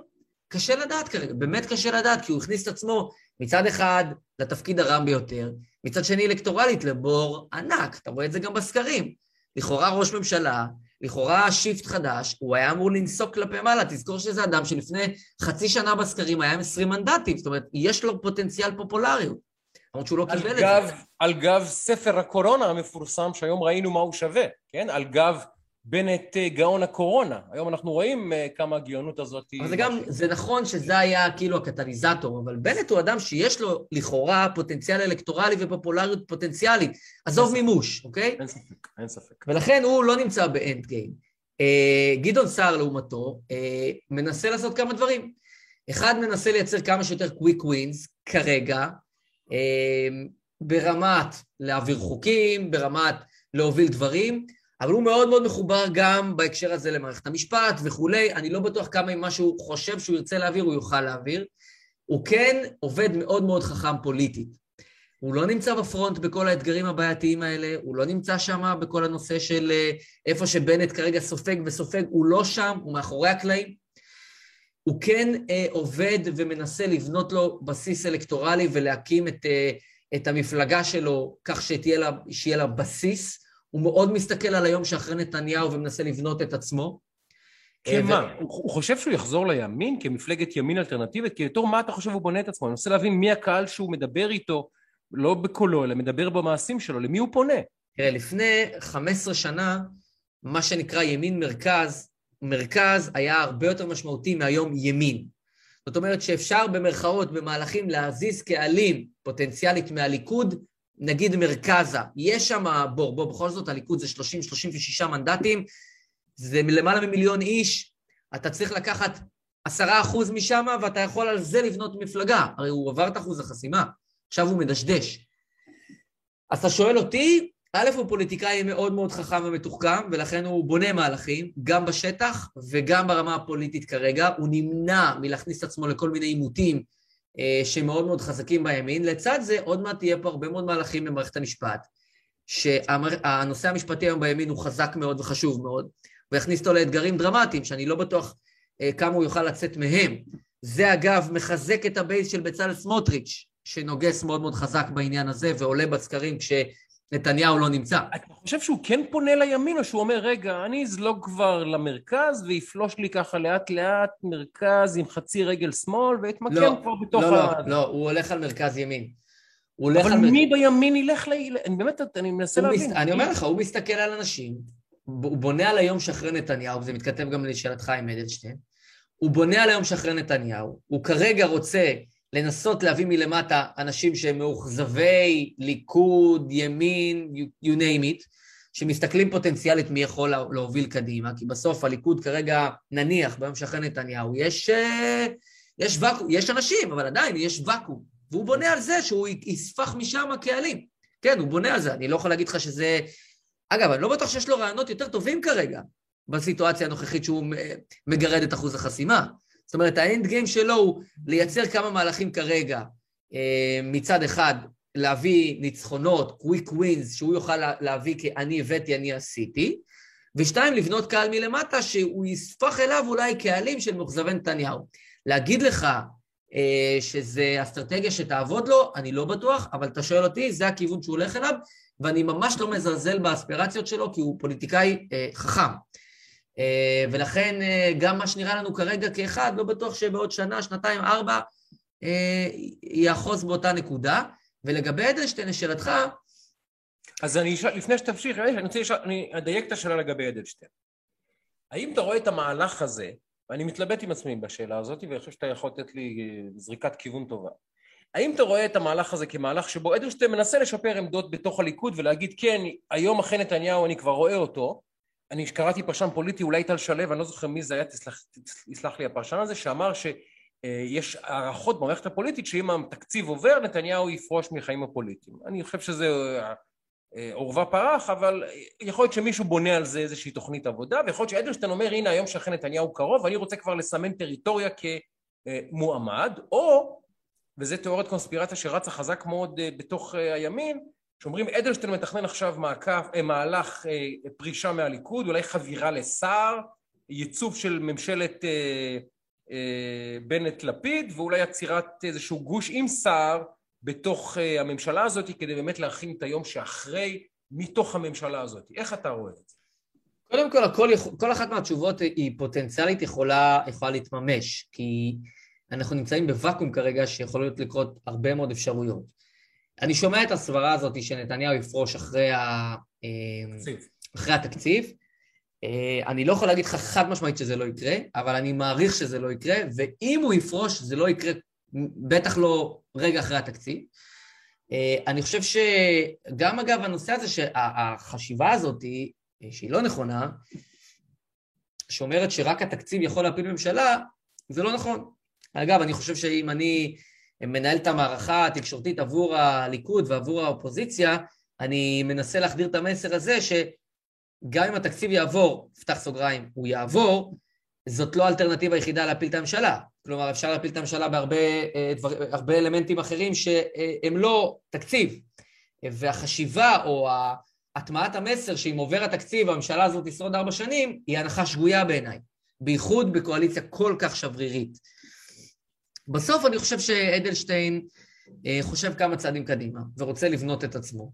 אה, הוא עשה עכשיו את המהלך, סיבותיו עמו, אני לא בטוח שזה הטיימינג הכי נכון כרגע דווקא לעשות את זה, אבל הוא רוצה לסמן, אה, ויש ואקום מסוים, והוא רוצה לשים את עצמו על המגרש. אני לא בטוח שהוא כל כך מהר, יום אחרי התקציב, חובר לגדעון סער ומביא עוד שלושה פורשים והם עוברים לשם. יש דיבור כזה, אני לא רואה את זה קורה כל כך מהר, בסוף הליכוד זה שחקן מאוד מאוד מלוכד, גם עם כל הצעקות והרעשים והסברות השונות. אה, אני חושב שהקהל הליכודי הוא מאוד יצרי וגם נקמני במידה מסוימת כלפי אנשים שעושים מהלכים מהסוג הזה, ועדיין, אדלשטיין יש לו את האספירציות שלו, בכל זאת צריך להגיד, הוא זכה בפופולריות, לדעתי, כמה פריימריזים שונים, מקום ראשון אחרי נתניהו, זאת אומרת, זה לא משהו לזלזל בו. אבל יש הבדל בין להיות מקום ראשון בפריימריז אחרי נתניהו לבין להחליף את נתניהו ולהיות בראש. עדיין יש הבדל בעניין הזה, כי הליכודניקים רוצים מישהו שיביא להם שלטון, ואני חושב שליולי יש עוד כברת דרך בעניין הזה, ויש לו גם עוד מתחרים בעניין הזה, ולכן האנד גיים של, של אדלשטיין לדעתי בשלב הזה הוא לפתוח אפשרויות. אבל, אתה יודע, הרי כמו בכל עסקה, יש מה שנקרא ריסק וריוורד. האם הסיכון גדול יותר מהפרס, מהגמול? אני שואל את עצמי, האם אדלשטיין עכשיו משחק, משחק באש ממש? כי למשל מירי רגב, אחרי הרעיון בידיעות אחרונות וזה, הורידה פרופיל לחלוטין, בהיבט של אה, רינונים ודיבורים אה, שהם לא אה, מאוד מאוד מנגנים מוזיקלית לאוזניים של המחנה שלה, אפילו קצת שברה טיפה יותר חזק ימינה כדי לאותת למחנה אני פה, אל תדאגו, לא הולכת לשום מקום. אני שואל את עצמי אם באמת, אתה יודע, אדלשטיין משקלל את הסיכונים נכון, כי מה שאנחנו רואים פה זה שאנשים ממש מהמרים בקריירות הפוליטיות שלהם. בנט אמנם זכה להיות ראש ממשלה, אבל הוא מהמר בקריירה הפוליטית שלו, וגם בקריירה של שקד ועוד כמה נספחים שם ברקע. אה, סער מהמר בחיים הפוליטיים שלו, ואיתו גם אלקין ועוד כמה אנשים שהם הביאו שם, שאשא ביטון וכולי וכולי. האם גם אדלשטיין, ואני שואל את עצמי מה המניע של האנשים האלה, כי האנשים האלה הם לא טיפשים, פוליטיקאים זה אנשים לא טיפשים, הם ציניים, הם מפוקחים, יש כמה טובים יותר, כמה פחות טובים, כמה שמבינים את המשחק יותר טוב, כמה שמבינים אותו פחות, אבל בגדול הם אנשים ציניים מאוד, ותועלתנים מאוד שמחפשים תמיד את השורה התחתונה בסוף המהלך. אבל אני שואל את עצמי, אדלשטיין, אתה ראית איזה זעם המהלך הזה אה, עורר? נגיד ישראל כץ לא עורר כזה זעם. ברקת עורר זעם, אבל ברקת איכשהו הוא נתפס כ... למה אתה עושה את זה, וזה חמור מאוד, אבל על אדלשטיין ממש יצא קצף. איך אתה מסביר שדווקא על אדלשטיין יצא קצף אמיתי? תשמע, קודם כל, אני חושב האתגור של ישראל כץ הוא לא כאתגור של יולי אדלשטיין. יולי אדלשטיין הוא עדיין סמל בליכוד, זאת אומרת גם ישראל כץ, אבל אני אומר, ב... שוב, אני חוזר לזה שהוא מקום ראשון בפריימריז, הוא דמות. אה, יש אבל כן משהו אחד שהוא מאוד מאוד חשוב, וגם ניר ברקת מאוד נזהר בעניין הזה, שהוא לא מאתגר את נתניהו כאן ועכשיו ומערער על המנהיגות שלו כאן ועכשיו. עם כל האמירות הקשות הוא אומר, אני אתמודד מול. זאת אומרת, הוא לא אומר עכשיו אני קם והולך. זה, זה, זה סגמנט מאוד מאוד חשוב. ואין דיאט, מה שנקרא, השצף קצף שאתה מדבר עליו, הוא כי יש הרבה מאוד חשדנות ב- בליכוד, הליכודניקים חשדנים. מה, כי אדלשטיין גם אמר דברים שלא נאמרו אף פעם בצורה כזו ברורה. הוא אמר, נכון. תראו, אתם רוצים להיות בשלטון, צריכים להזיז את נתניהו, זה מה שהוא אמר בעצם, in so many words, כמו שאומרים האמריקאים. נכון. הוא אמר, תעיפו את נתניהו, תקבלו שלטון. וזה לא נאמר עדיין. אני שואל את עצמי, האם גם ה... אתה יודע, זה כמו, כמו בכל שדה, שדה הצבאי, שדה מדיני, שדה ספורטיבי, מותחים את הגבולות ובודקים את, ה, את התגובה של, של הצד השני. האם אדלשטיין מותח פה קו ואומר דברים שלא נאמרו עד עכשיו, אה, תוך כדי שהוא לוקח סיכון, כי הוא יודע אולי שהוא יהיה בסדר למרות זאת. זאת אומרת, אני שואל את עצמי על מה זה מתבסס האופטימיות הזאת שלו והאמירות המאוד קשות שהוא אמר בסופו של דבר. איך, איך אתה מנתח את זה? תראה, זה לא, זה, אתה יודע, כל פעם שאתה לא בטוח אם זה בית הקלפים או פולישוק, אתה יודע מה אני חושב. כמובן. אני לא חושב שיש פה, זה חד משמעית פולישוק, אני לא חושב שיש פה איזה מישהו שעושה אסקלציה ואז אסקלציה, ויש פה איזושהי אסקלטיביות כזאת, איזושהי הסלמה כזאת שאחד מתואם עם השני. קודם כל, זה לא המצב בעיניי. בסוף, יולי אדלשטיין, יש לו אספירציות פוליטיות מאוד משמעותיות. הוא בראות עיניו מנתח את המפה ואומר, ארבע פעמים לא הצלחנו, מחר בבוקר התקציב עובר, יכול להיות שאנחנו תקועים פה ארבע שנים, יכול להיות שצריך להסיק מסקנות, זה באמת מה שהוא חושב. שהוא מאתגר את המערכת כי זה, it will come as a אבל הליכוד היא עדיין מפלגה דמוקרטית. זה די מוזר, זאת אומרת, אם מישהו היה אומר את זה ליאיר לפיד, תאר לך, שווה בנפשך, הוא היה נזרק מהמערכה מחר בבוקר. זה לא קורה. בליכוד זה כן יכול לקרות. זה מעצבן אנשים, זה מכעיס אנשים, אבל זו עדיין מפלגה דמוקרטית. והוא מאתגר את נתניהו, מבחינתו בצדק, כי הוא אומר, זה המצב, אני הייתי שר בריאות, אני הייתי חזק מאוד, היום אני ח"כ, אין לי השפעה, האופוזיציה היא כרגע, יש לה יכולות מאוד מאוד מסוימות, והוא בונה את עצמו קדימה. אגב, לגיטימי מבחינתו. שוב, מקום ראשון בפריימריז, פעם אחר פעם. הוא לא סיים מקום 26. והוא צריך לסמן פה, אני כאן, אני על השולחן. וכן, כי הוא גם כנראה יודע שנתניהו מחר בבוקר לא יזרוק אותו מהתנועה, כי הוא אומר את הדברים האלה, זה לא יאיר לפיד. זו תנועה דמוקרטית, הוא זכה, הוא קיבל מקום ראשון. ולכן אני לא חושב שזה איזה אסקלציה מובנית שכל אחד יסלים את הדיבור, ואז, אבל כן יכול להיות שיולי אדלשטיין מסתכל כמה צעדים קדימה ואומר, אני מחר בבוקר שוקל את דרכי, כי אם המצב לא ישתנה, אז אני אוכל לבוא להגיד, המצב לא השתנה, וצריך להסיק מסקנות. אז כן, הוא מאתגר את המערכת, אבל הוא גם יכול לאתגר אותה, וזה גם חלק מהעניין הדמוקרטי. אני רוצה עכשיו לקרוא לך. תקרא לי ואחר כך יש עוד שניים שלושה דברים שאני רוצה להספיק איתך.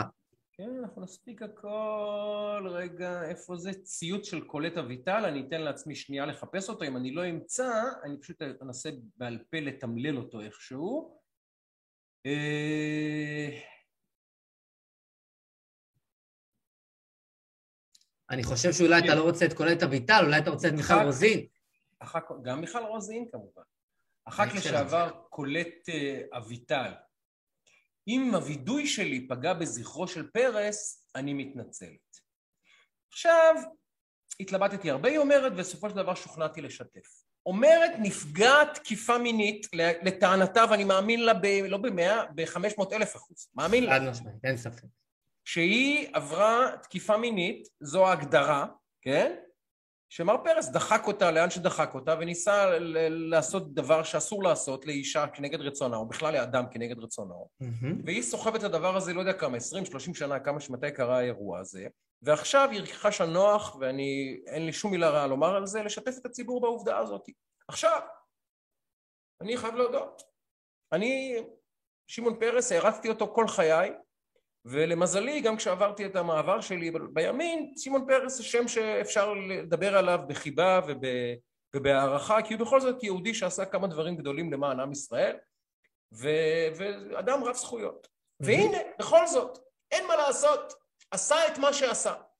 ואנחנו בעידן, לא אני החלטתי על העידן, אני פשוט מתקיים בו, שבו אם גבר עושה פאול כזה, לא משנה מי הוא, לא משנה מה הוא, לא משנה איפה הוא, לא משנה כמה הוא, לא משנה איך הוא, הוא בחוץ, תצא בחוץ, ידידי. עכשיו, לגנדי עשו תצא בחוץ אחרי מותו. עשו לו תצא בחוץ. ואותה מיכל רוזין, תכף נחזור לגברת היקרה הזאתי, אומרת, אה, גנדי לא לגיטימי. זהבה גלאון אמרה, אני לא אשתתף ביום הזיכרון, ל... ב... אה, אה, סליחה, בישיבת הזיכרון שמקיימים לגנדי בכנסת. וצריכים להסיר את שמו מרחובות, כיכרות, והיה, ממש ניסו לעורר פה איזה מהלך חקיקה. עכשיו שלא תהיינה אי הבנות. הדברים שמיוחסים לגנדי, בהנחה שהוא עשה אותם, הם בזויים ו- ונוראים, ואני, אין לי מילה לבטא את הגועל מהם, באמת. אבל אם גם פרס כזה, אז מה דינו של פרס? במה הוא שונה ממר גנדי? במה הוא שונה? ממר זאבי עליו השלום, סליחה. במה הוא שונה? לא שונה. עכשיו, דיברנו על עידן הפוסט אינטגריטי. נכון. וכל יום הוא כותב פרק נוסף, העידן הזה. פרק חדש מקסים מרתק. כי אני חשבתי, לתומי, לתומי, ככה זה, אני אדם נאיבי, שתנועת מיטו ואנשים והמאבק הצודק ההיסטורי והחשוב שלהם, שאני תומך בו בכל ליבי, מעומק הלב, באמת, גם אם לפעמים אני חושב שהוא, המטוטלת נעה קצת חזק מדי, עדיין זה מאבק חשוב לתיקון החברה מעוולות שהן מקננות בה לאורך המון המון שנים. אבל הנה, אז אם עושים מה שנקרא תרבות ה-cancellation, זה ביטוי שהבאנו מאמריקה, תרבות הביטול, מבטלים אנשים היום. מבטלים אנשים. את עמוס עוז ביטלנו, נכון? גם לא ביטלנו עד הסוף, נכון? את גנדי ביטלנו. כל מי שאמרו עליו מת, חי, שהוא זה, איבגי מבוטל. הכל בסדר, אנשים האלה צריכים להיות מבוטלים. אבל עכשיו פרס, כשהוא אה, נודע עליו הדבר הזה, אז פתאום שואלים את הארץ, למה פרסמתם? זה בתוך השמאל. למה פרסמתם? סליחה? לא, לא הבנתי את השאלה. ואחרי שפרסמתם, עכשיו הולכים לקולט אביטל. למה אמרת? למה אמרת? עכשיו זה אותם נשים, אותה מיכל רוזין. כשאישה אומרת, עבר לידי מישהו ממין זכר והסתכל עליי לא יפה ואני מרגישה מותקפת מינים, מינית, היא שמה השטג אני מאמינה לך ואומרת את הגבר הזה יש קודם כל להשמיט ואחרי זה לשאול מה דעתו על משהו בכלל, אוקיי? בסדר, זו המדיניות של מיכל רוזין, הכל בסדר, אבל אותה מדיניות לא יכולה לחול רק על אנשים שהם לא שמעון פרס. אבל היא כן יכולה, אבל היא כן יכולה, כי מיכל רוזין אומרת אחרי הסיפור הזה, ציטוט, חברת הכנסת רוזין, לא נחרים את זכרו של שמעון פרס, שים לב למשפט הבא, כי הוא איקוני, כי לא היה אפשר לכתוב אותו, מדהים. אי אפשר לשכוח את עמדותיו הנכונות. עכשיו תן לי רגע לתת לך את התמה שלי בעניין הזה, בסדר? כי יש לי חשבון פה. יפה. לפני כ... אני רוצה להגיד שלוש שנים. אה-הא. שחקן של בית"ר ירושלים בשם אנתוני וארן, בינתיים הוא עבר להפועל באר שבע, whatever, whatever. זוכר את הפרשה, ספר. כן.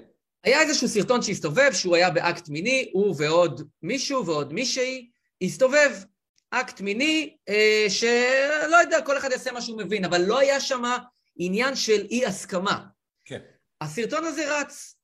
הסרטון הזה מגיע לאותה מיכל רוזין ולחברתה חברת הכנסת, היום השרה, מרב מיכאלי. אתה יודע מה עושות שתי הנשים האלה? מה עושות? שוב אני אומר, אקט מיני, שאין בו תלונה, שכששואלים את האישה הזאת שהשתתפה באותו אקט מיני, היא לא מתלוננת, היא לא התלוננה, היא לא אמרה שזה היה בכפייה, אני לא חווה דעתי על האקט, אני רק חווה על העניין. יצאו החוצה בשצף קצף על שחקן בית"ר ירושלים, סטח סוגריים, מרב מיכאלי, בעלה אוהד מכבי, אם זה השחקן של מכבי, אני בספק רב מאוד אם היא הייתה נוקטת בעמדה הזאת, אבל זה שחקן של בית"ר ירושלים. חברת הכנסת מיכל רוזין משתוללת ומתחרפנת וצועקת, וחברתה, מרב מיכאלי, נוסעת וולנטרית לתחנת משטרה, מגישה תלונה נגד אנטוני ורן, על מה? מצטל... על, על, על, על, לא יודע, על, על אונס, אני לא יודע על מה, מצטלמת מחוץ לתחנת משטרה, מוציאה הודעה לעיתונות, אני עכשיו הגשתי תלונה נגד אנטוני ורן, שחקנה של בית"ר ירושלים, בגין המעשים שמיוחסים לו. הלכה, הגישה, תראה את הפרואקטיביות המטורפת הזאת, כנגד אירוע שהיא לא קשורה אליו, כנגד מישהי שלא התלוננה, כנגד שחקן של בית"ר ירושלים, פתח סוגריים, כי הוא שחקן בית"ר ירושלים בין היתר. ואותה מיכל רוזין חוג... משתוללת על האירוע הזה. השחקן לא התאושש מהעניין. אגב, שוב, אני לא בא עכשיו להגן על האקט, ואני לא... הוא... בית"ר ירושלים, אגב, גיבתה אותו. בית"ר ירושלים אמרה, נבדוק את האירוע, נחקור אותו, עד אז הוא הושאל לאיזה... זה... נבדק, לא הייתה תלונה, לא היה שום דבר, אה. והסיפור הזה נסגר. אבל היא הרגה את אנטוני ורן, השחקן, בתקשורת, גמרה לו את הקריירה, יש אנשים שלא מתאוששים מדברים כאלה. בפרואקטיביות מטורפת. ועכשיו, מה היא אומרת? אני צריכה להרהר בעניין על הנושא של אלעזר שטרן. לא, היא אומרת, לגבי פרס... לא, אה, רגע. לגבי, אני אה. מחבר בין הדברים כי בעיניי. אחד הם. כן. לגבי אלעזר שטרן והסיפור הזה של המגרסה והסיפור הזה של סגירת תלונות, קודם כל שקט תעשייתי. אף אחד מחברות הכנסת של יש עתיד לא אומרת מילה. סוגרים את ישיבת הסיעה, נועלים אותה לתקשורת. תראה איזה בושה, איזה בושה. אלה שרצות להתלונן בתחנת משטרה, להכפיש אנשים בלי בכלל לשאול, לחשוב, לחקור, ישר יוצאות ומשתוללות. אני רוצה שזה לראות שזה בסיעה ש- שלהם, אני- שום מילה, שום מילה. אני רוצה צריכה לראות להרהר. שהאלוף יואב גלנט היה אומר, בזמני כאלוף, אה, מה שאחד מהתפקידים שהוא וואו, כיהן וואו, בהם, מה היה פה. קיבלתי תלונות של חיילות, אבל מכיוון שאני לא מתייחס לתלונה שאין מאחוריה שם, גרסתי אותן. אני רוצה לראות אם יואב גלנט היה יכול לצאת לרחוב עשר שנים. לצאת לרחוב הוא לא היה יכול. עשר שנים. מבין? אגב, אגב, גם אם זה היה אלעזר שטרן במפלגה אחרת, אותו דבר. ברור, ברור, ברור. שזה הדבר המדהים, זה אפילו לא גופו של אדם, זה גופו של מפלגה, וזה פשוט מביש איך האנשים האלה, ש, שכמו שאתה אמרת, אין בעיה, אנחנו נגד זה, נגד הטרדות מיניות, אה, לא צריך להגיד את זה אפילו, אבל הן שמחזיקות את הדגל והולכת להתלונן בתחנת משטרה נגד שחקן בית"ר ירושלים, שהוא כולו שחקן, אתה יודע, חבר כנסת, שר בממשלה, גורס תלונות, שקט, דממה דקה, כלום. וכשגנדי, בית משוגעים וחקיר, ו- וחוקים ולהחרים, אבל פרס, אי אפשר לשכוח את עמדותיו הנכונות. זו בושה, זאת אגב, היא גם צביעות. מתייחסת לגנדי, היא אומרת לגנדי אי אפשר לסלוח בגלל עמדותיו הבזויות, שגויות, פסולות, whatever, אבל לפרס אי אפשר להתעלם, זה, צריכים לשקלל את זה. עכשיו תגידי. חברת הכנסת רוזין, השרה זנדברג, השרה מרב מיכאלי, תגידו, אין לכם בושה? מה, אתם חושבים שכולנו מטומטמים? איפה מינימום? אתן הולכות עם זה עד הסוף בכל הכוח? אהלן וסהלן. אתן נושאות את הדגל? אהלן וסהלן. אבל אתן לא יכולות, כשזה מימין, להשתולל כאילו אין מחר, וכשזה בבית שלכם, לסתום את הפה. אתן לא יכולות לעשות את זה, ואתה יודע מה? זה בדיוק מה שהן עושות. זאת נכון. בושה, בושה. זה מה שזה. הפוסט אינטגריטי. זה עידן שבו אנשים, האמת שלי אין לה תוקף. עכשיו, לא רק שאין לה תוקף מולכם, גם אני לא שם עליה. זה מה שמזעזע. שאנשים אומרים, עזבו מה שאני אומר לכם, אני בעצמי לא אכפת לי כבר מה יוצא לי מהפה, לא אכפת לי איך זה נשמע, לא אכפת לי איך זה נתפס, זה מה שמטריד. לאנשים כבר אין אינטגריטי, אני, יש דברים שאני אומר, לא נעים לי, כי אני אומר דברים שהם שגויים, או דברים בזויים, או דברים פסולים, לא, אני מתכווץ, אני אומר, טוב, תפסו אותי בשטות, או תפסו אותי חס ושלום בשקר, או תפסו אותי חס ושלום באיזו אמירה שהיא בעייתית, אז לא נעים לי אם מעמידים אותי על טעותי. אבל הם אומרים, לא אכפת לי, אמרנו, יהיה בסדר. למה? אתה יודע למה? וצריכים לחזור, סליחה שעושים את הסיבוב הזה. כי יש להם רוח גבית מהתקשורת. הרי מי מייצר את הבלגן? אנחנו מגלים. אנחנו מגלים איך בלגן... רגע, אבל אמרו לי שהכל שקט בתקופה הזאת, שיש... שקט. הכל שקט, הכל נהדר. בדיוק העליתי היום סרטון על זה שהכל שקט. הכל שקט. אז מה הבעיה? כאילו היה לי חבר, הוא אמר לי הכל שקט, הכל, אמרתי מצוין, אבל מה התוכנית? שימשיך להיות שקט ארבע שנים? מה זה שקט? עכשיו בוא, בוא, נדבר על, על uh, תרשים זרימה של איך מתפתחת מהומה, אוקיי? לצורך העניין, פלונית כותבת על אלמוני, מפורסם, אלמוני אמר לי, עשה לי, נגע לי, חס ושלום. עכשיו, אם זה יתקיים רק ברשת, זה לא יתפוס. זה לא יכול להתקיים רק ברשת. חשוב להבין את זה, גבירותיי ורבותיי, וגם אתה נדב, אתה עוסק בזה יותר טוב ממני, כי אתה באמת יועץ תקשורת באמת מהמבריקים שפגשתי. אבל זה לא יכול להתקיים רק בטוויטר או רק בפייסבוק, זה מוכרח את הרוח הגבית של התקשורת, מוכרח של המיינסטרים.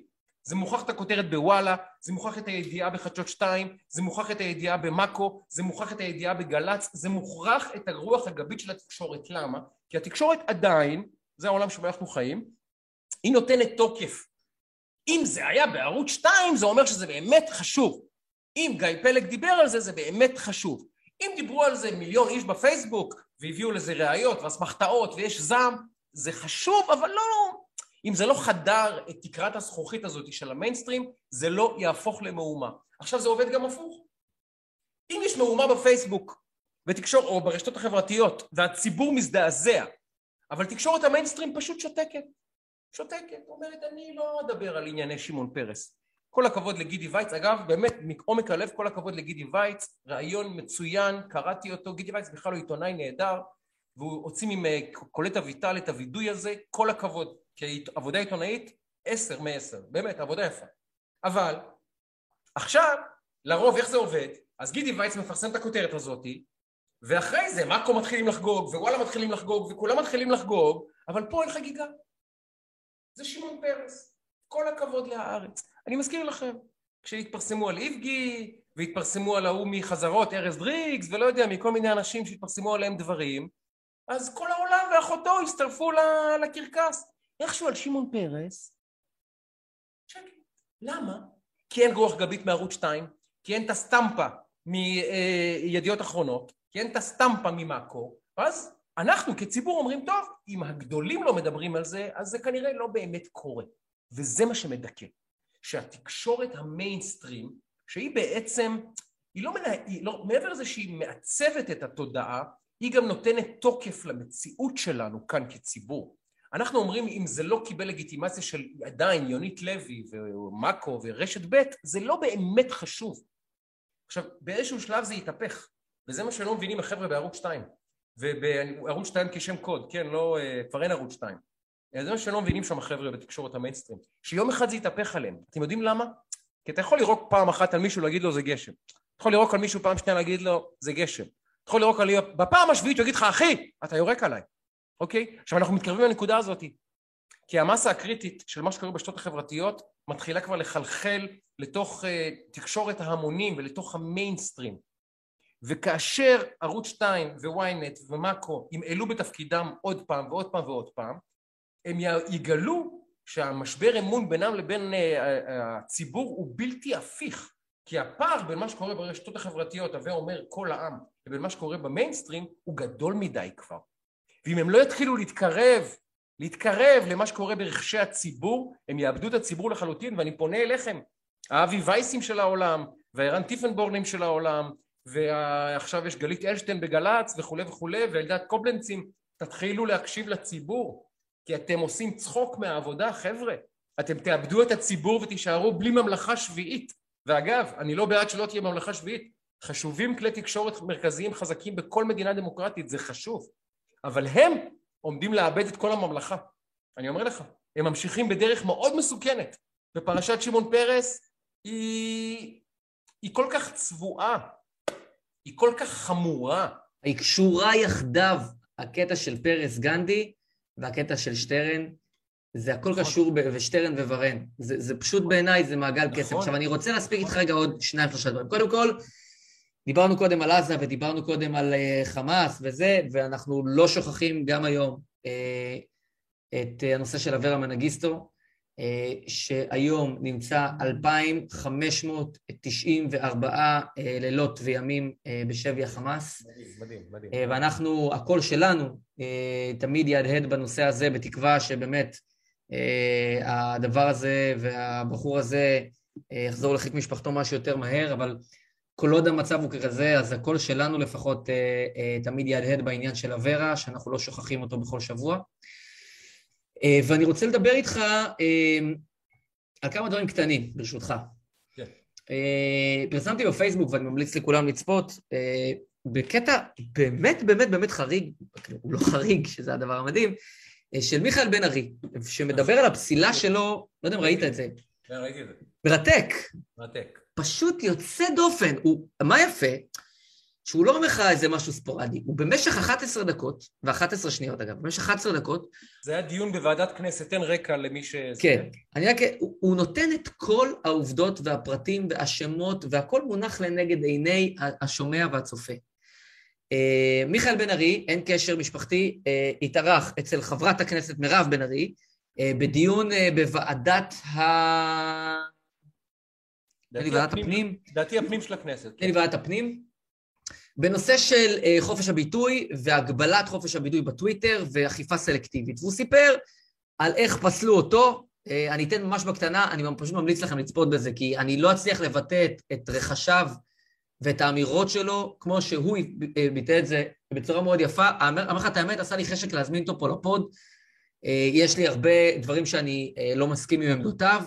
אבל מה שהוא אומר שם זה וואו, פשוט מראה איך סיכלו אותו, ואיך סיכלו את המועמדות שלו, ואיך פתרו, פתחו לו חקירה משטרתית על כלום, הרגו אותו ציבורית, ואתה רואה אדם שיושב ומבקש דבר אחד, תגישו נגדי כתב אישום.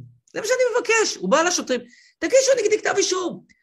באו אליו, ועל חמש-שש אמירות בטוויטר, פשוט פתחו נגדו חקירה פלילית עם טביעות אצבע ושוטרים שבאים הביתה על דברים שאגב חלקם הוא ריטואט, כלומר אחרים פרסמו. אמירות שהוא לא אמר מייחסים לו. ואז ברגע שפוסלים אותו, מנדלבליט כבר לא מעניין אותו, הוא אומר עזבו, תשחררו אותו, הוא אומר אל תשחררו אותי, אל תשחררו אותי, תחק... אני רוצה שתיתנו לי כתב אישום, תסבירו לי על מה, זרקתם אותי מהיכולת להתמודד והרגתם לי את הלגיטימציה הציבורית, תסבירו לי, תגישו כתב אישום שאני אראה במה אני מואשם. אז אומרים לו, התיק נסגר, אחרי שכבר מז... מזמנים אותו והוא מספר שם דברים שאף אחד לא הכחיש, זאת אומרת, אני לוקח אותם כ- כאמת, דברים מביכים של, של אמירות מביכות של שוטרים, ויש לו 30 אלף ציוצים בטוויטר, הוא אומר, הבאתם אותי על חמישה ציוצים שגם לא מיוחסים אליי, שאני גם לא, אומרים לו, לא חמישה, שישה. באים אליו שוטרים הביתה לילדה בכיתה ו', פותחת הדלת, שוטרים כבר תעני אומרים, גברת, איפה אבא? אבא צייץ בטוויטר, ציוץ גזעני, הוא צריך עכשיו, עכשיו, גם לא יודעים מה, מה, מה זה גזענות, הוא אומר הם גיס חמישי, זה גזענות, זה לא גזענות, אחד יגיד כן, אחד יגיד לא, איפה עומד חופש הביטוי? אז כשזה מיכאל בן ארי, אז מגבילים לו את חופש הביטוי ביתר קלות. למה? כי מותר להם, כי מותר להם. זה חבר הכנסת עופר כסיף, שקורא לחיילי צה"ל רוצחים ולישראל מדינה פושעת, ואומר שאנחנו מבצעים שואה בעם הפלסטיני. זה חופש ביטוי. עכשיו, הוא מסביר שם, מיכאל בן ארי, חבר הכנסת לשעבר, מסביר שם, הבן אדם חוקר, אב לתשעה, יש לו ילדים בצבא, נפצע במלחמות ישראל, אפשר לחלוק על עמדותיו, אני לא הצבעתי לו מעולם, אבל זה לא משנה, הוא מדבר על משהו עקרוני, שזה חופש הביטוי, ואיך בכלים אלימים מאוד, לא פיזית, אלימים מאוד, מגבילים אדם, ו... וזה דבר מדהים לראות איך הוא מתאר את הדברים, וגם אם אתה מימין וגם אם אתה משמאל, זה דיון חשוב מאוד בנושא חופש הביטוי, ואני ממליץ באמת לכל אחת ואחד לצפות בדברים האלה, אני פרסם את זה בפייסבוק, זה דיון בוועדת הפנים של הכנסת, שהוא מדבר באמת מדם ליבו, וזה נורא מכעיס לראות איך אתה הופך בן אדם, מפליל אותו, ממש, אדם שלא עשה דבר, וגם אם הוא עשה, אז אם הוא עשה, צריכים הרבה מאוד אנשים אחרים, זה, וזה לוקח אותי לתיק 4000. שזה אותו דבר. שזה מישהו מחליט שזה פלילי. למה ככה? אין לזה שום אח ורע, אין לזה השוואה. שאומרים לי, אה, לא, קורץ בגרמניה, או ההוא, איך הוא התפ... זה לא אותו דבר, אבל זה לא אותם אישומים, מנסים לעשות פה אנלוגיות שקריות. וכשאתה מסתכל על התיקים האלה... אגב, גם האישום של קורץ באוסטריה, הקאנצלר האוסטרי שעכשיו התפטר בגלל אה, אה, אה, הטיעונים, שים לב, סוכר בישראל, אה, הקאנצלר בגרמניה, באוסטריה, סליחה, התפטר על רקע סיקור, סיקור אוהד. נכנסתי לידיעה, אמרתי, מעניין, מה? הוא גם, לא, לא, לא. היה פה כסף אמיתי. זאת אומרת, הוא אמר לאיזה חברת, אה, מי שזה לא יהיה, חברה אה, אה, מסחרית, אני אדאג לכם שתקבלו... שזה די דומה למה שמיוחס עכשיו לבנט עם העניין ההוא של העדות של ישועה. כן. הוא אמר לכלי תקשורת, אני אדחוף לכם הרבה מודעות של איזו חברה מסחרית, ואתם תשמרו לי על התחת וכולי וכולי. יש פה כסף. יש פה כסף. יש פה כסף. אמיתי. גם ישוע, כמו שאמרת, אמר לבנט, תביא את הכסף, תקבל מעל ומעבר. אמר לו, תביא כסף מקלוגפט, ותקבל מעל ומעבר. זה הצעת שוחד שאתה רואה תמורה. ונתניהו, אתה, עכשיו אנחנו ניכנס לשלב, עוד כמה חודשים ניכנס לשלב הרגולטורי. אתה תשמע חצי שנה ניסיונות להסביר למה זה שהוא עבר במסדרון ליד פילבר, ופילבר חייך למישהו, בעצם אומר שמדובר בהטבה רגולטורית מאוד חמורה שנתניהו ממנה גרם לשאול אלוביץ' להורות לאילן יהושע, להורות לאבירם אלעד להוריד ידיעה על לשם הם יגיעו. הם יעשו שרשור של 19 קומות למטה כדי להוכיח לך שזה שפילבר אה, פגש במסדרון מישהו מבזק זה אומר שאבירם אלעד באמת קיבל הוראה מישוע להוריד ידיעה על שרה נתניהו ממקום ארבע למקום חמש. הם יוכיחו את זה. זה, זה. על זה המשפט, זה פרודיה כבר. זה כבר פרודיה. אני למדתי משפטים, אני לא עורך דין, אבל אני שומע עורכי דין, ואני לא מדבר רק על כנרת המדהימה שלנו שעושה עבודה מדהימה, ועורך דין דוד פורר שעוזר לה, וציון אמיר מדי פעם. אני לא מדבר עליהם, מדבר על עורכי דין אחרים שאני סתם מדבר, יש לי אדם מבוגר ויש לי הרבה חברים בגיל הזה שהם עורכי דין. אני אומר להם, תגיד, משפטי, תסביר לי. אומר לך, אחי, אומר לך, אה, אה, אין תיק. אין כלום, אין במה להחזיק. אין אישום. אין זנב חוט, אין זנב חוט לחבר בין הדברים, אין להם כלום. והם הולכים לסחוב את המדינה הזאת עכשיו על התיק 4000 המסריח, אז זה עוד שנה, שנה וחצי. אנחנו נשמע את הסיפורים האלה. אגב... לא, לא, לא, לא, לא. לא נשמע. לא זה נשמע. העניין. שלא נשמע. לא נשמע. רציתי לתקן את עצמי. שלא נשמע. שזה דבר מדהים, אפרופו לא הבניית המציאות והנדסת התודעה, שכשרוצים למנף, אז uh, גנדי, שלא רוצים למנף, אז פרס, שרוצים למנף ולהשתולל, אז, uh, אז, אז התיק הזה ובלפור וקרחנה, כשלא רוצים וזה לא מתכתב עם המציאות, אז מי? איך תיק? מה, ארבעת אלפים? לא מכיר. אה, נגיד אתה עולה לדוכן העדים ומתוודה על עבירה פלילית שביצעת. למשל, גנבתי, חס ושלום, לא עלינו, רצחתי, חס ושלום, אנסתי, חס ושלום. מה תפקידה של המשטרה? ותכף נפתח סוגריים. מעל המשטרה יש איזה יהודי, קוראים לו אה, אביתר מנדלבליט. אה, מה ש... איך... אני לא זוכר, פעם הוא היה... רגע, דמות ציבורית לשעבר בישראל מתחיל במם, אבל לשעבר, לא דמות נוכחית. כמה זמן הוא כבר לא יועמ"ש? מי החליף אותו בתפקיד? לא זוכר, היה... הוא עבר כמה יועמ"שים מאז שהוא, אני פשוט לא זוכר מתי פעם אחרונה ששמעתי אותו. ההוא מהאייטיז, מנדלבליט, ההוא. כן, פעם, פעם הוא היה מלא בתקשורת, נכון? לא שמעתי את שמו ארבעה חודשים, לא שמעתי את השם הזה בכלל. לא זוכר גם. אני לא זוכר כבר מה שמו הפרטים מרוב שלא זוכר את השם שלו. אביחי, אביחי, אביחי.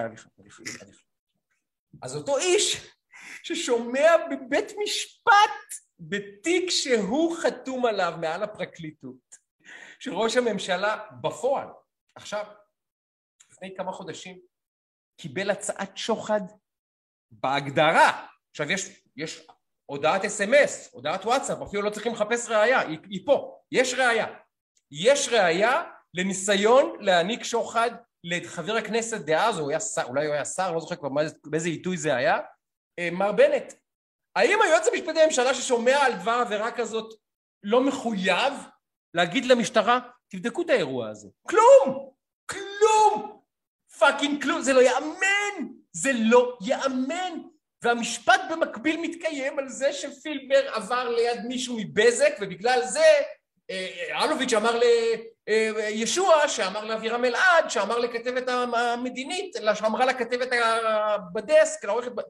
לשם הם הגיעו. אבל כשיש להם הודעת וואטסאפ ברורה שאומרת, תן כסף, קבל מעל ומעבר, כלום. עכשיו, די, חבר'ה, אנחנו לא מטומטמים. אתם יורקים עלינו בפרצוף, ואנחנו יודעים שזה לא גשם. די, זה, זה, אי אפשר כבר, אי אפשר כבר.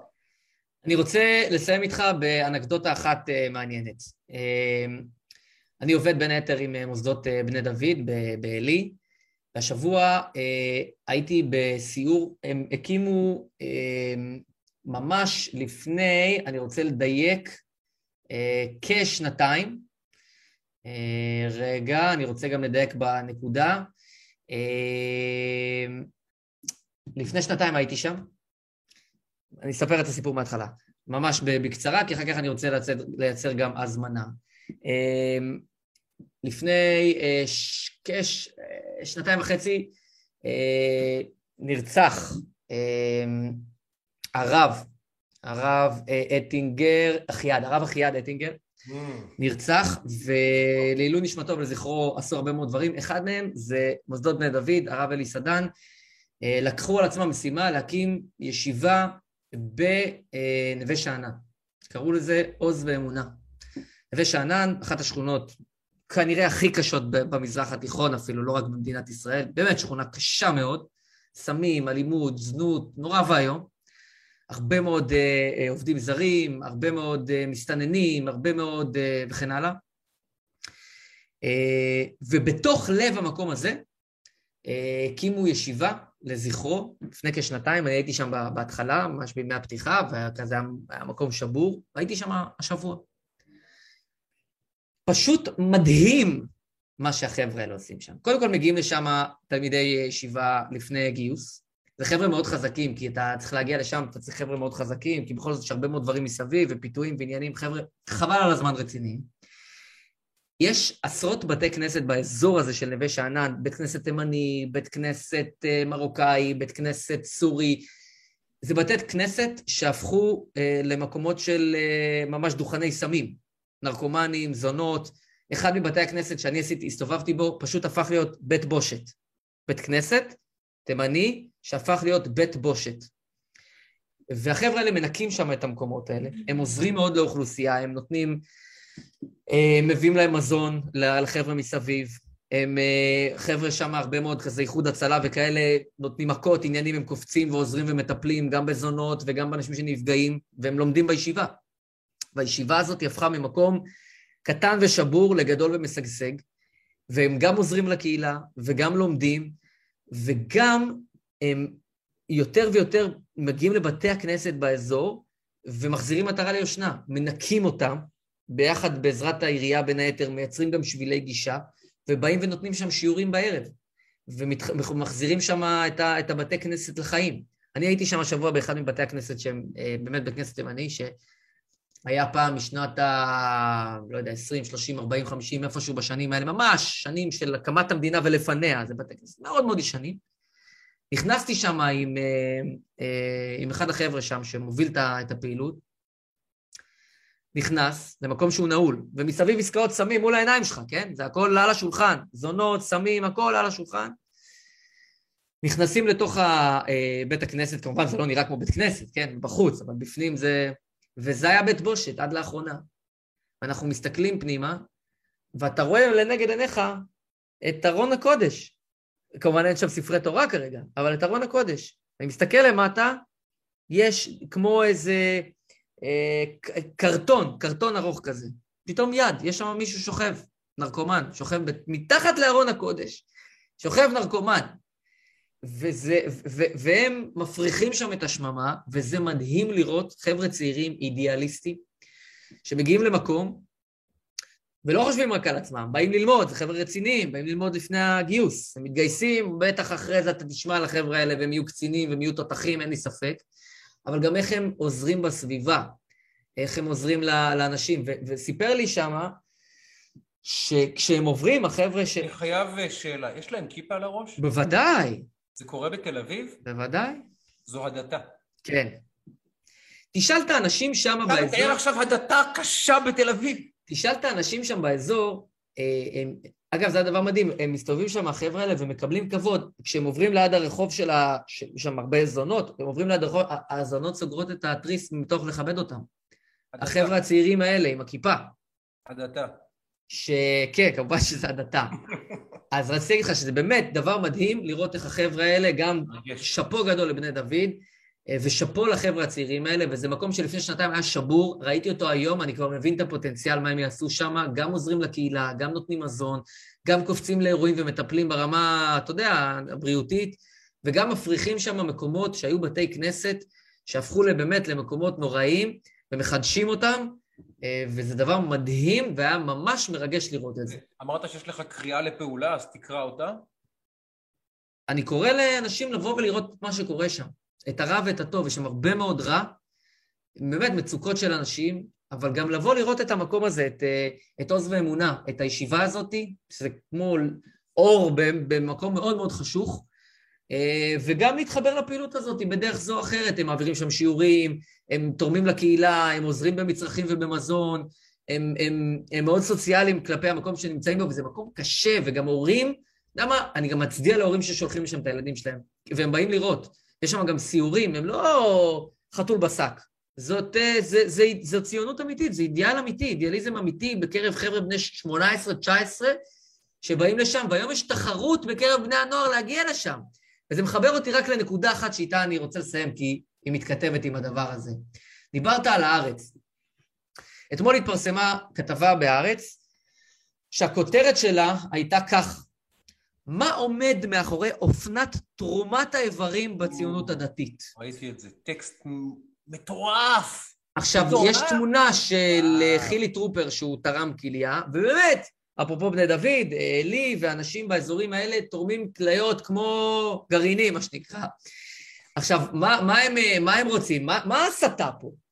הם אומרים ככה, זאת כותרת המשנה, גאוות הציונות הדתית אומנם נראית כאלטרואיזם טהור, אך טומנת בחופה גם לא מעט אינטרסים ארוכי טווח. אך תפסתם אותנו, אנחנו באנו לתרום כליה, אבל בעצם באנו... כליות לחילוני... זו הדתה. הדת... זה... זה... הדתה נוספת. הקלנה.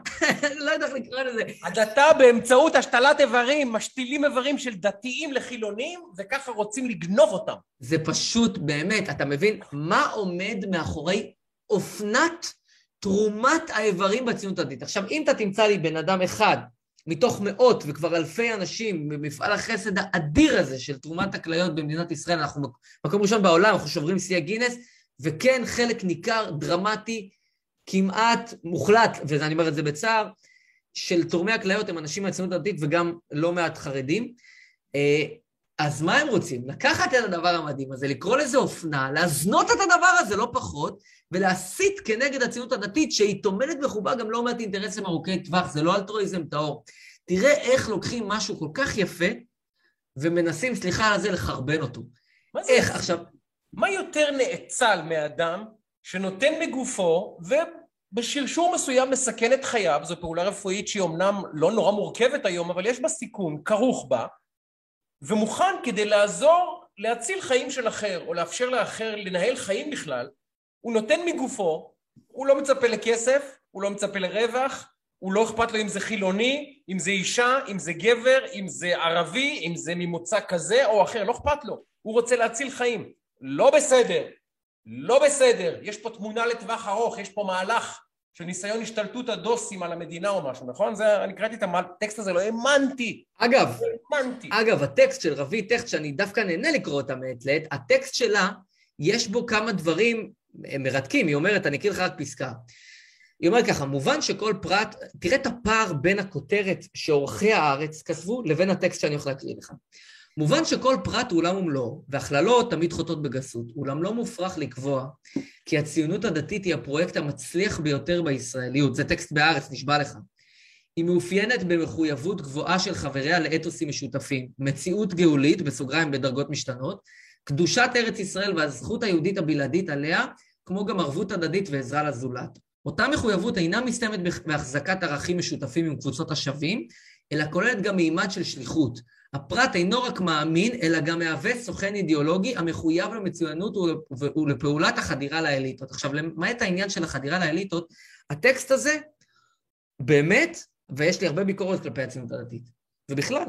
אבל הטקסט הזה, אני מוצא חיבור בין העניין הזה, שני, שתי נקודות, בין תרומת הכליות וחילי טרופר וכל העניין הזה, האידיאולוגיה הזאת, לבין האידי, האידיאל של להיות דווקא במקום כמו נווה שאנן. אני מוצא באמת דבר מדהים, זה דבר באמת יפה בציונות הדתית, בשתי הנקודות האלה, ולצד זה, איך לוקחים משהו יפה והופכים אותו למכוער, איך לוקחים טקסט כזה, שיש בו באמת גם דברים יפים, לא רק גועל, ובעצם העיתון לאנשים חושבים, מסתכל על הקוראים שלו ואומר, אתם לא אנשים חושבים.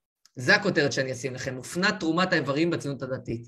הפער בין הכותרת של האורחים ואנשים שעומדים, אתה דיברת על זה לא אחת, מאחורי הקלעים וקובעים מה יהיה בפרונט, לבין הטקסט עצמו, שהוא יכול להיות גם טקסט לפרקים מקסים, הוא מדהים, וזה מראה את הבניית המציאות. זה, זה דבר פשוט יוצא דופן, זו דוגמה קיצונית.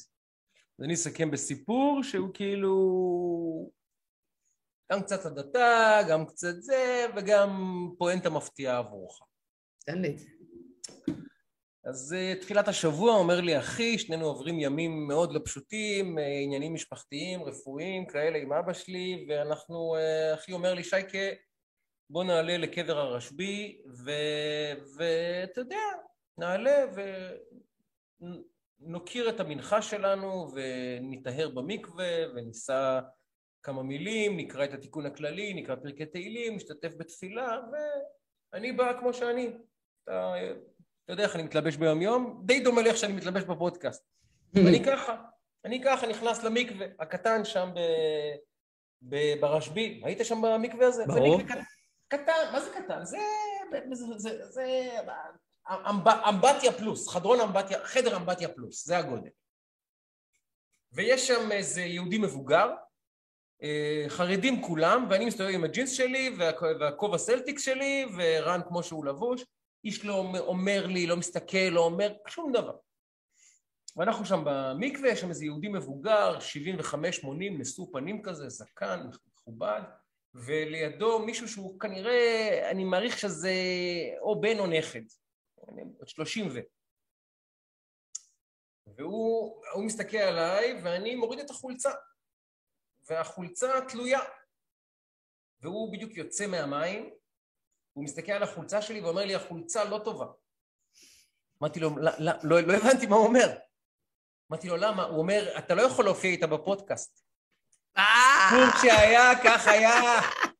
כי היא לא הייתה חולצת ספורט אמיתית, אלא סתם איזה חולצה עם איזה קשקוש.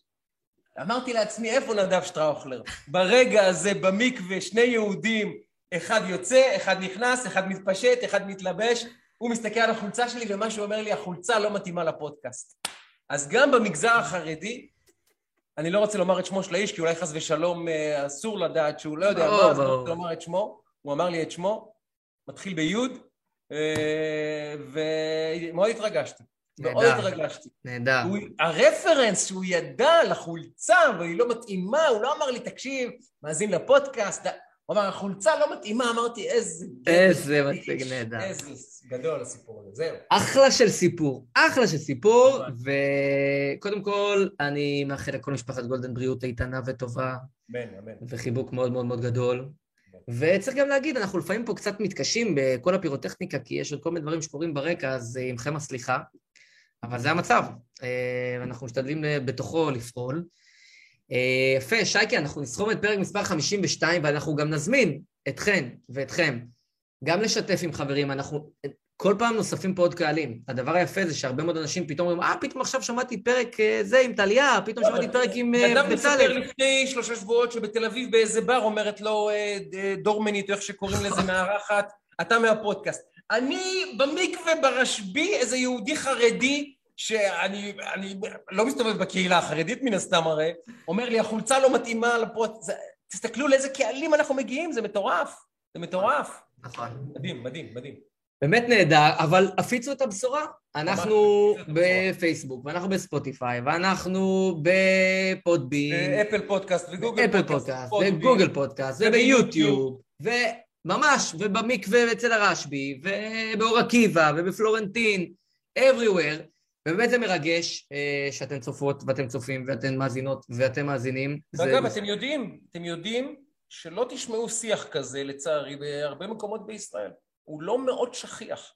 אז אם אתם מזדהים ואתם מכירים עוד אנשים שהדברים האלה, אני שומע הרבה שאומרים לי, תקשיב, חשוב לי להאזין לפודקאסט כי זה מחזק אותי. זה נותן לי תחושה שיש מישהו שמבין אותי ומדבר, אומר דברים בשמי. אז אם אתם מחפשים, או יש לכם אנשים שאתם אומרים, בוא שישמעו דברים שגם ייתנו להם תחושה שהם לא לבד, שתפו אותם, תשלחו להם, תראו להם, תציגו להם את זה. לגמרי, לגמרי, שתפו, הפיצו את הבשורה, אנחנו מאוד מעודדים, אנחנו גם מרגש ומדהים לראות עוד ועוד קהלים, וגם המספרים, באמת, הם, כל פעם זה, זה מרשים מחדש. אה, והנה אנחנו גם משתדלים להשתדרג טיפה, אני היום עם איזה אוזנייה, שבוע הבא אולי עם אוזניות, נעשה זה, אנחנו לאט לאט. אני עם מיקרופון, תראה איזה חתיך. כן, כן והמיקרופון פה, שים לב. כן. הופ הופ. אתה רואה? אז, תודה. אז, אז אנחנו, לבקשת הקהל, מה שנקרא, ובצדק, אז אנחנו עדיין, אה, שי ונדב, אנחנו עדיין מחלטרים פה את האירוע הזה ועושים את זה ככה כשיחת סלון, כי ככה זה, אבל אנחנו משתדלים גם להשתדרג בטכנולוגיות ובסאונד ובככל שניתן, וההערות שלכם חשובות, כי זה, זה גורם לנו באמת לנסות לפחות להשתפר, אם לא בתוכן, לפחות בטכני. אה, אז נגיד, תודה רבה רבה, זה באמת לא מובן מאליו לכן ולכם שממשיכים לצפות ולהאזין, הזמן שלכם יקר ואנחנו מעריכים זאת מאוד. נגיד תודה לרני שבדרכו לאילת עכשיו יערוך צ'יק צ'ק את הזה וז'יק, ננסה ככה להציף את זה למעלה. הפתיח, אה, עשית עבודה מדהימה, שייקה, בפתיח שלך, כל הכבוד, אה, עשית עבודה מצוינת, נחשוב על זה, אולי אה, לעשות אותך כפתיח שם. יש לך קול רדיופוני, אמרו לך את זה פעם? אולי נצא לדרכים, ואגב, אתה יודע שאפשר לעשות קול רדיופוני, גם אתה יכול לדבר, אתה פשוט צריך... ובכן, רבותיי, השעה 6.32 ואנחנו... אנחנו... אפשר, אפשר, אפשר? אנחנו, זה תמיד ואנחנו. אנחנו, אם אנחנו. כן. אם כן. יש לי את אה, תנוחת יאיר לפיד שלי, שים לב. יפה. כן, אה, מה ישראלי בעיניך, נדב? אנחנו, אנחנו, אנחנו, אנחנו, אנחנו. אה, שמעת את איילת שקד מדברת באנגלית? זה היה לא קל. אבל אני חייב להגיד לך... היה לא קל. כן, אבל אני חייב להגיד לך ש... אם אתה פוליטיקאי, לא, לא, סליחה. יש כל כך הרבה על מה. נכון, נכון, אבל אני אגיד, אז ננעל בזה. אם אתה פוליטיקאי, ויש לך אה, כוונות ללכת למקומות גדולים בחיים האלה, אתה לא טוב באנגלית, בסדר. לך לברליץ או לבית ספר אחר, יש קורסים, תשתפר באנגלית. תשתפר באנגלית. לא בושה, ללמוד בסדר, אנגלית. בסדר, אני איתך, רק אני אומר שלפעמים, זה כמו שאמרו על בנט עם הקטע עם השבת, למה הוא חילל שבת. יש כל כך הרבה על מה לבקר אותם. מסכים, עדיין. עכשיו, אגב, אני לא אומר לא לבקר, אפשר גם להסתלבט, הכל בסדר, אבל יש כל כך הרבה על מה לבקר. אמרתי, דווקא על זה, אני לא... אני חייב להגיד לך ש... היא טעתה, גם אני טועה לפעמים, כולנו לפעמים טועים, זה באמת... הקטע הישראלי של, איך אומרים באנגלית? כן, כן, זה היה מצחיק, זה היה מצחיק. זה היה ישראלי מאוד, זה היה מאוד ישראלי, זה היה מצחיק. זה אפילו היה בזה, אם היא הייתה עושה את זה טיפה אחרת, היה אפשר למצוא בזה גם חינניות. נכון, אבל... היא הייתה יכולה להפוך את זה לבדיחה חמודה. נכון, היה אפשר לעשות בזה חינניות. אפשר גם לעשות איזה ספין מצחיק על הדבר הזה, כן. אבל זה שעשו עליה עליהום על הדבר הזה, אתה יודע מה, יש דברים אחרים. לא, אני, אני לא בעליהום, זה היה פשוט משעשע בעיניי. זה היה משעשע קצת. אגב, גברתי, גביר, גברתי שרת הפנים, לא מאוחר, שעתיים שלוש בשבוע להקדיש, מורה, בית ספר, יש אפליקציות, תשפרי את האנגלית שלך. אגב, גם אני, אם אני יום אחד נציג ישראל באיזשהו גורם שצריך לדבר אנגלית, אני אשדרג את האנגלית שלי. היא לא מספיק טובה כרגע להופיע בפורומים ולנאום בפני אנשים. Yes, sir, yes, sir. אז uh, with that, uh, we will wrap it, נכון? אומרים uh, we will wrap, it's a wrap. כשמסיימים clap, it's a wrap. אז uh, נגיד שוב תודה לכן ולכם.